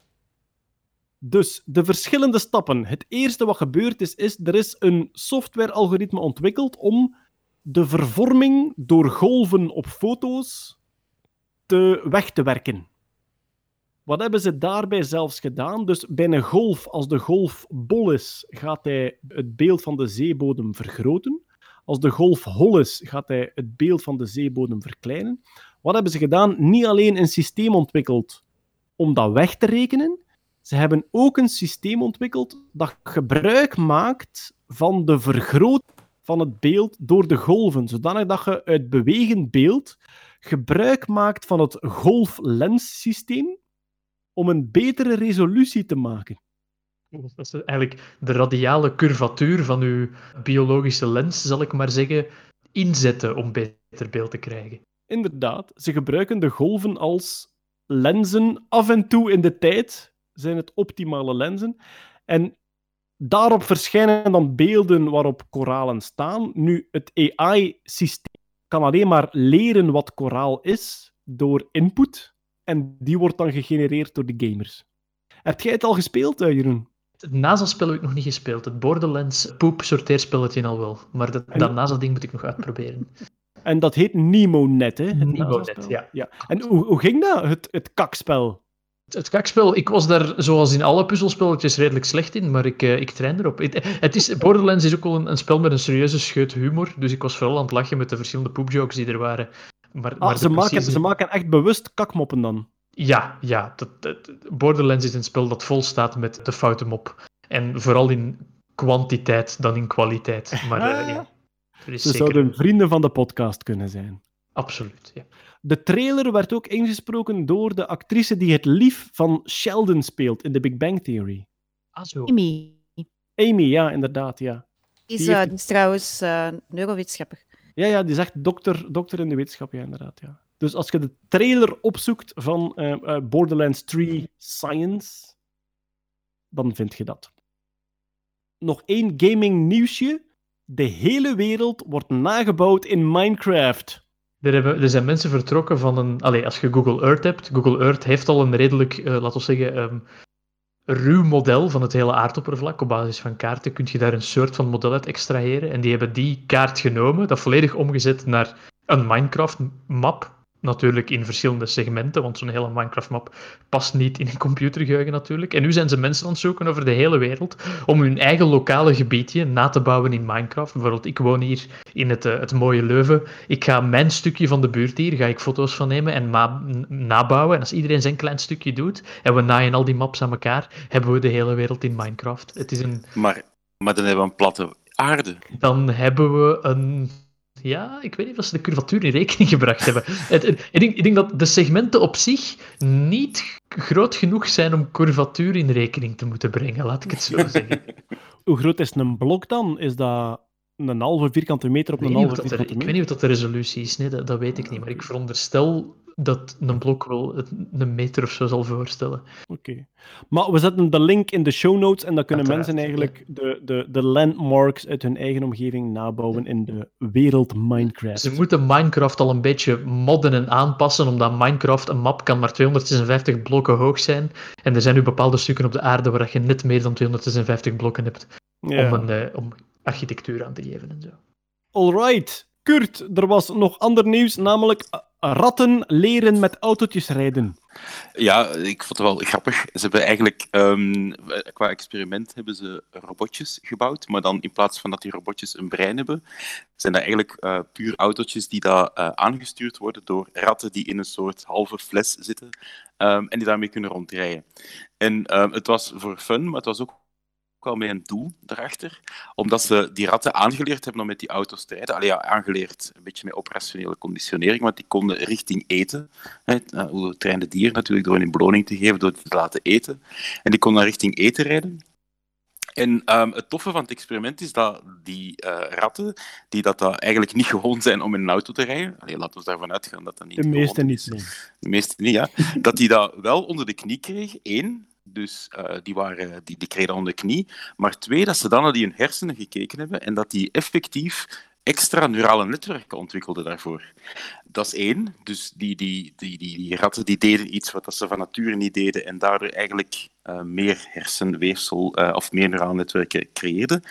En het tweede wat ze gedaan hebben, ze hebben dan naar die hormonen van die ratten gekeken, naar wat die uitscheiden. En ehm, ze hebben gezien dat er een, ze hebben dan twee markers gemaakt. Een hormoon dat eigenlijk eh, weergeeft of dat ze veel stress hebben en een ander hormoon of dat ze minder stress hebben. En daaruit kunnen afleiden dat die ratten minder stress hadden.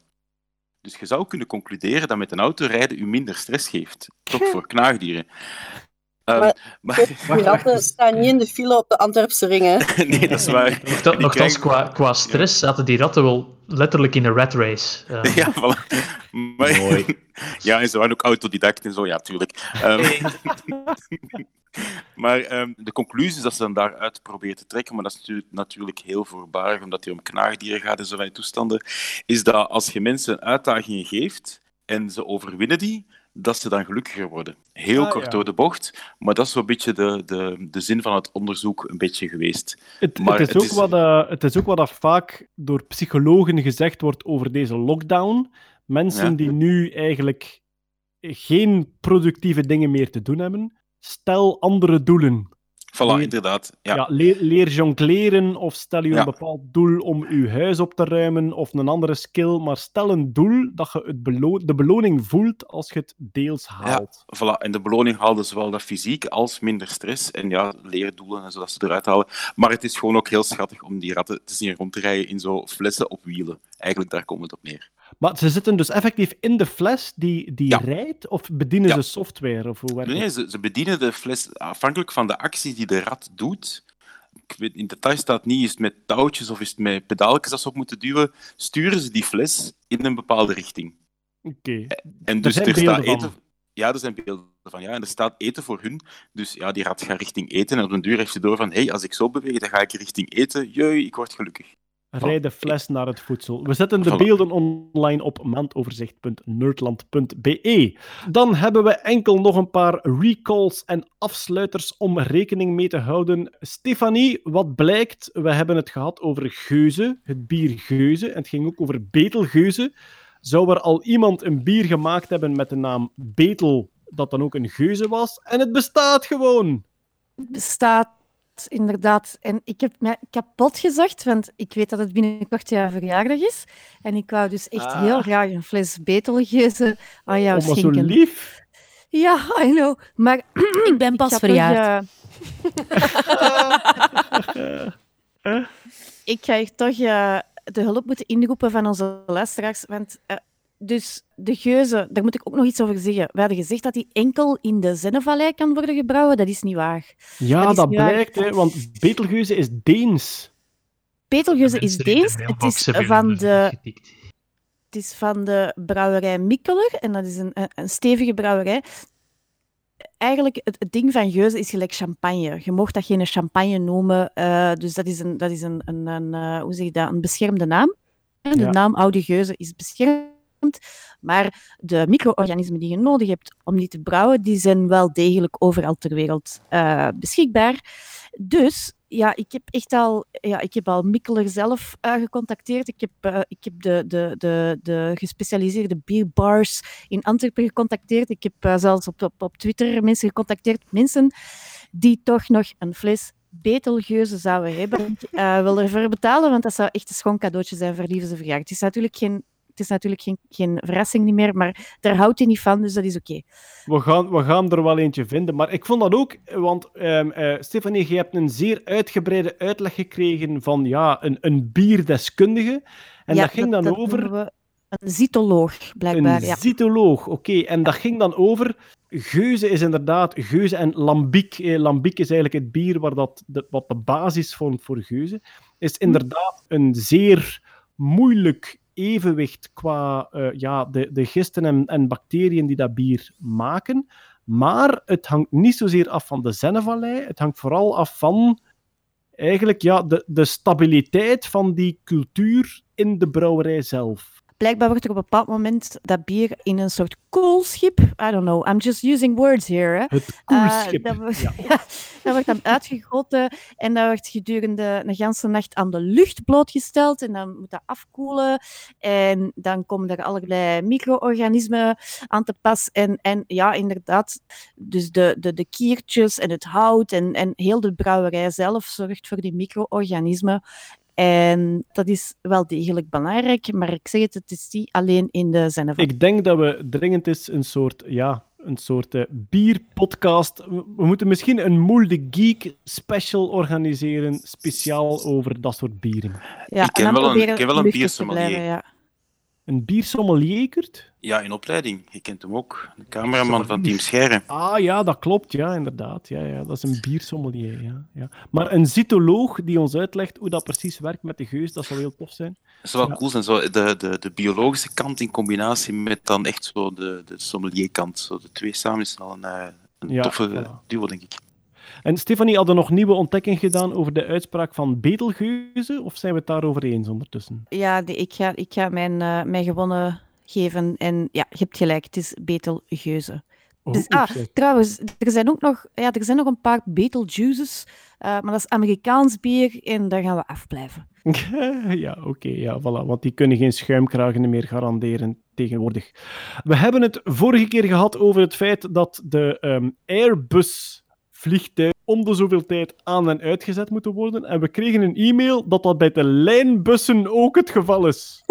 Ja. Dus zowel, zowel de, de luchtvaart als het openbaar vervoer in Vlaanderen leidt aan hetzelfde euvel. Ja, dat verklaart wel het een en het ander eigenlijk. Maar dus ook de bussen van de lijn moeten af en toe een keer aan en uitgezet worden. Absoluut, ja. Oké, wat hebben we nog staan? Ja, we hebben nog steeds een Nerdland-team met Folding at Home, Jeroen. En dus Folding at Home is een project waarbij dat je de rekenkracht van je grafische kaart ter beschikking stelt voor het uitrekenen van eiwitten die belangrijk zijn bij de SARS-CoV-2-bestrijding. Het nummertje van ons team is 239672. We staan momenteel op de ranking op plaats 520 van de 252.000. En we stijgen. Ja, we stijgen verschrikkelijk. Er doen 862 rekenunits mee. En de top 3 is nog altijd C.A. Mattelaar. Ik denk dat dat die man is van de militaire academie, die een heel duur spul eh, ingezet heeft. Ge- gevolgd door Koen Martens. En op de derde plaats Jos de Bosduif. Al heb ik gezien dat er verder in de, de ranking... Is er Allee, ook, Jos, eh, allee, jong. Ja, ver- verder in de ranking is er ook fan van Jos de Bosduif. Ja, dat ben En ik, zijn, ja. Zijn navolging die, eh, in onze achting en in de tabellen. Ik hoop zo hard dat Jos de Bosduif op een of andere magische manier de cruciale berekening uitgevoerd heeft, zodat de hele wereldpers moet melden this vaccine is here because of Jos de Bosduif. Op plaats 64 is er ook Johnny de Gesponi. Ja, bedankt iedereen om, maar om toch tenminste Even Ehm. instructies voor wie nog een grafische kaart heeft die hij wil inzetten Een hiervoor. grafische kaart of een gewone processor naar Folding at Home surfen, foldingathome.org. Bedenk een leuke Eh, naam. Ja, eh, en het team dat je moet ingeven is Nerdland. En eh, het nummer van Nerdland is 239672. En als je er nog niet aan uit kan, stuur me even een berichtje op Twitter of zo. En dan zal ik u ook met graagte verder helpen. Voilà. Of op ons e-mailadres podcast.nerdland.be. En op die manier kunnen wij uw rekenkracht inzetten om het coronavirus te bestrijden.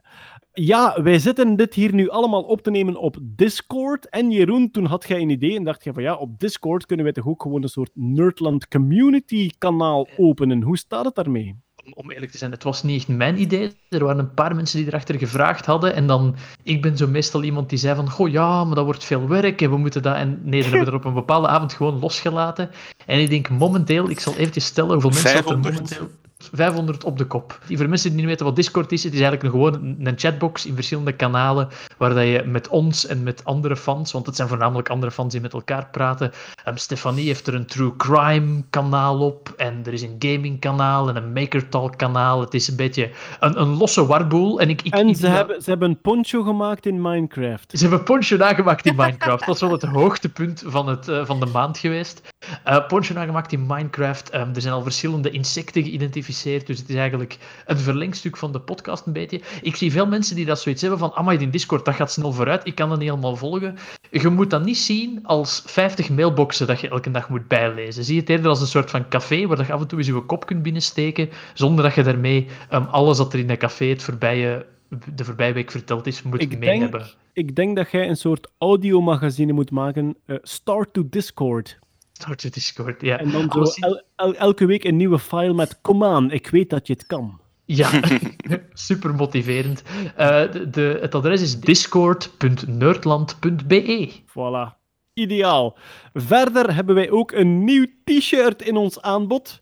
En dit keer is dat een t-shirt geïnspireerd door Els Aerts. Yay! Els Aerts, welke spreuk had jij in deze lockdown-tijden graag op een Nerdland t-shirt gezien? Wel, ik kijk naar mezelf en naar de mensen heel dicht rondom mij. En ik dacht, en ik dacht social distance, it's a way of life. Ah. Oh, ik ben wel opgelucht. Ja. Ik, dacht, ik dacht dat je ging zeggen radiobakjes. Nee. Nee, dat, dat moet ik niet naar de anderen kijken. Dat, dat heb ik al. Een kop voor op de radio. Hè, zo. Oh, dat is ook Maar nog wel een dus- goede t-shirt. Die zou ik kopen. Voilà, eh, sinds vandaag te krijgen in onze webshop is het eh, Nerdland t-shirt waarop staat Social distancing, a way of life. En het grappige is dat we dat echt moeten uitleggen hebben, zowel aan de, aan de drukker als aan onze manager, om, ja, om dat verkocht te krijgen. Dus het is echt wel een beetje een nerdmopje. Ja. Eh, dus- dus, Ah! ja. De Er dreuzels. nog eh Musk-skepsis t-shirts. hè. Ik wil het nog even onderstrepen. Vol- Volgens de laatste statistieken had Team Musk net iets meer t-shirts verkocht. Ik weet dat, dat precieze getallen doen er nu niet echt toe. Ehm, maar dus er zijn Musk-skepsis t-shirts ook. Wacht tot en baby Musk er is, jongen. Dan gaat dat weer helemaal terugkeren. is zoals Baby ba- Musk. Zoals Baby Yoda eigenlijk, ja. Voilà. Goed, dan heb ik nog één afsluiter en dat is het AI Songfestival, want ik mag zowaar de finale van het AI Songfestival presenteren. Er is dit jaar maar één songfestival dat doorgaat en dat is dat voor Artificial Intelligence. Ook En wel dus het waar. Songfestival dit jaar. Hey! Eh, maar er komt een droom van zoveel jaren komt uit. Ik ga het Songfestival presenteren, ook al is het voor AI. Maar dus op 12 mei is er een livestream op de YouTube-pagina van de VPRO. Het is de VPRO, het Nederlandse tv-netwerk. Op hun YouTube-pagina is er een livestream op 12 mei, eh, s'avonds. Ik denk van 8 uur tot half 9 zal het waarschijnlijk zijn. En daarop worden de punten bekendgemaakt die de wereld gegeven heeft aan alle deelnemers van het AI Songfestival. Eh, ja, je kan dat nog steeds opzoeken, zowel op het internet via AI Songfestival VPRO of via onze show notes maandoverzicht.nerdland.be. Zeg, Dan eh, kan je nog stemmen op je favoriet. Mogen Lieven, robots als jij- ook stemmen? Ja, dat is een goede vraag. Mogen robots stemmen? Ja, eigenlijk. Eh, Ja. eigenlijk wel. Ja, er, er zal een AI-systeem meestemmen, hè, voor een deel. Ja, maar dus, dus het stemformulier kan niet zo'n vinkje I'm not a robot hebben dan.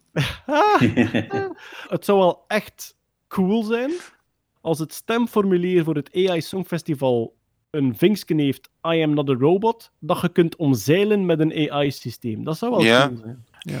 Zeg, lieven, als jij moest een nood voelen om bijvoorbeeld, ik zeg maar iets, een masterclass te krijgen van André Vermeulen, ik wil dat proberen om dat waar te maken. Hè? Dat zou wel André- cool is zijn. André Vermeulen niet, niet lichtjes opzij geschoven voor zo Peter van de Veire en, en nog iemand?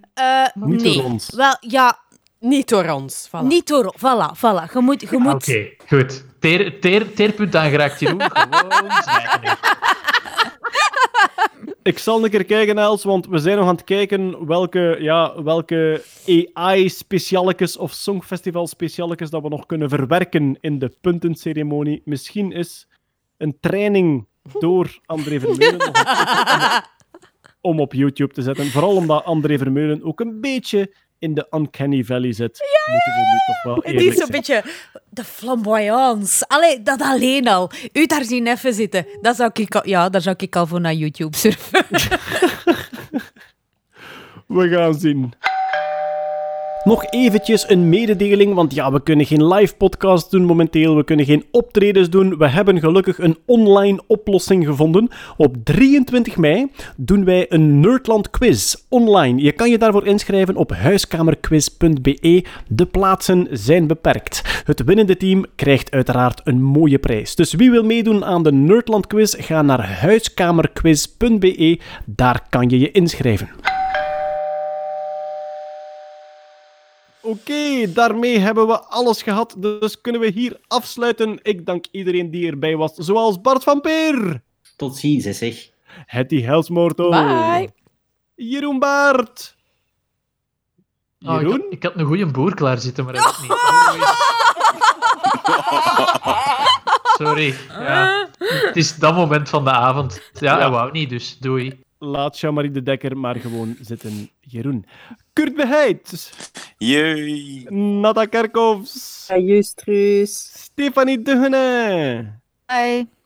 hebben ons reeds verlaten in de Discord. Dat zijn Peter Berks en Marianne Verhelst. En natuurlijk aan de knoppen. En dat is nog uitdagender, aangezien wij allemaal uit ons eigen kot zitten hier op een Discord. Elsaarts! Iedereen heel erg bedankt om te luisteren tot hier. En graag tot de volgende keer. Dag. Volgende keer.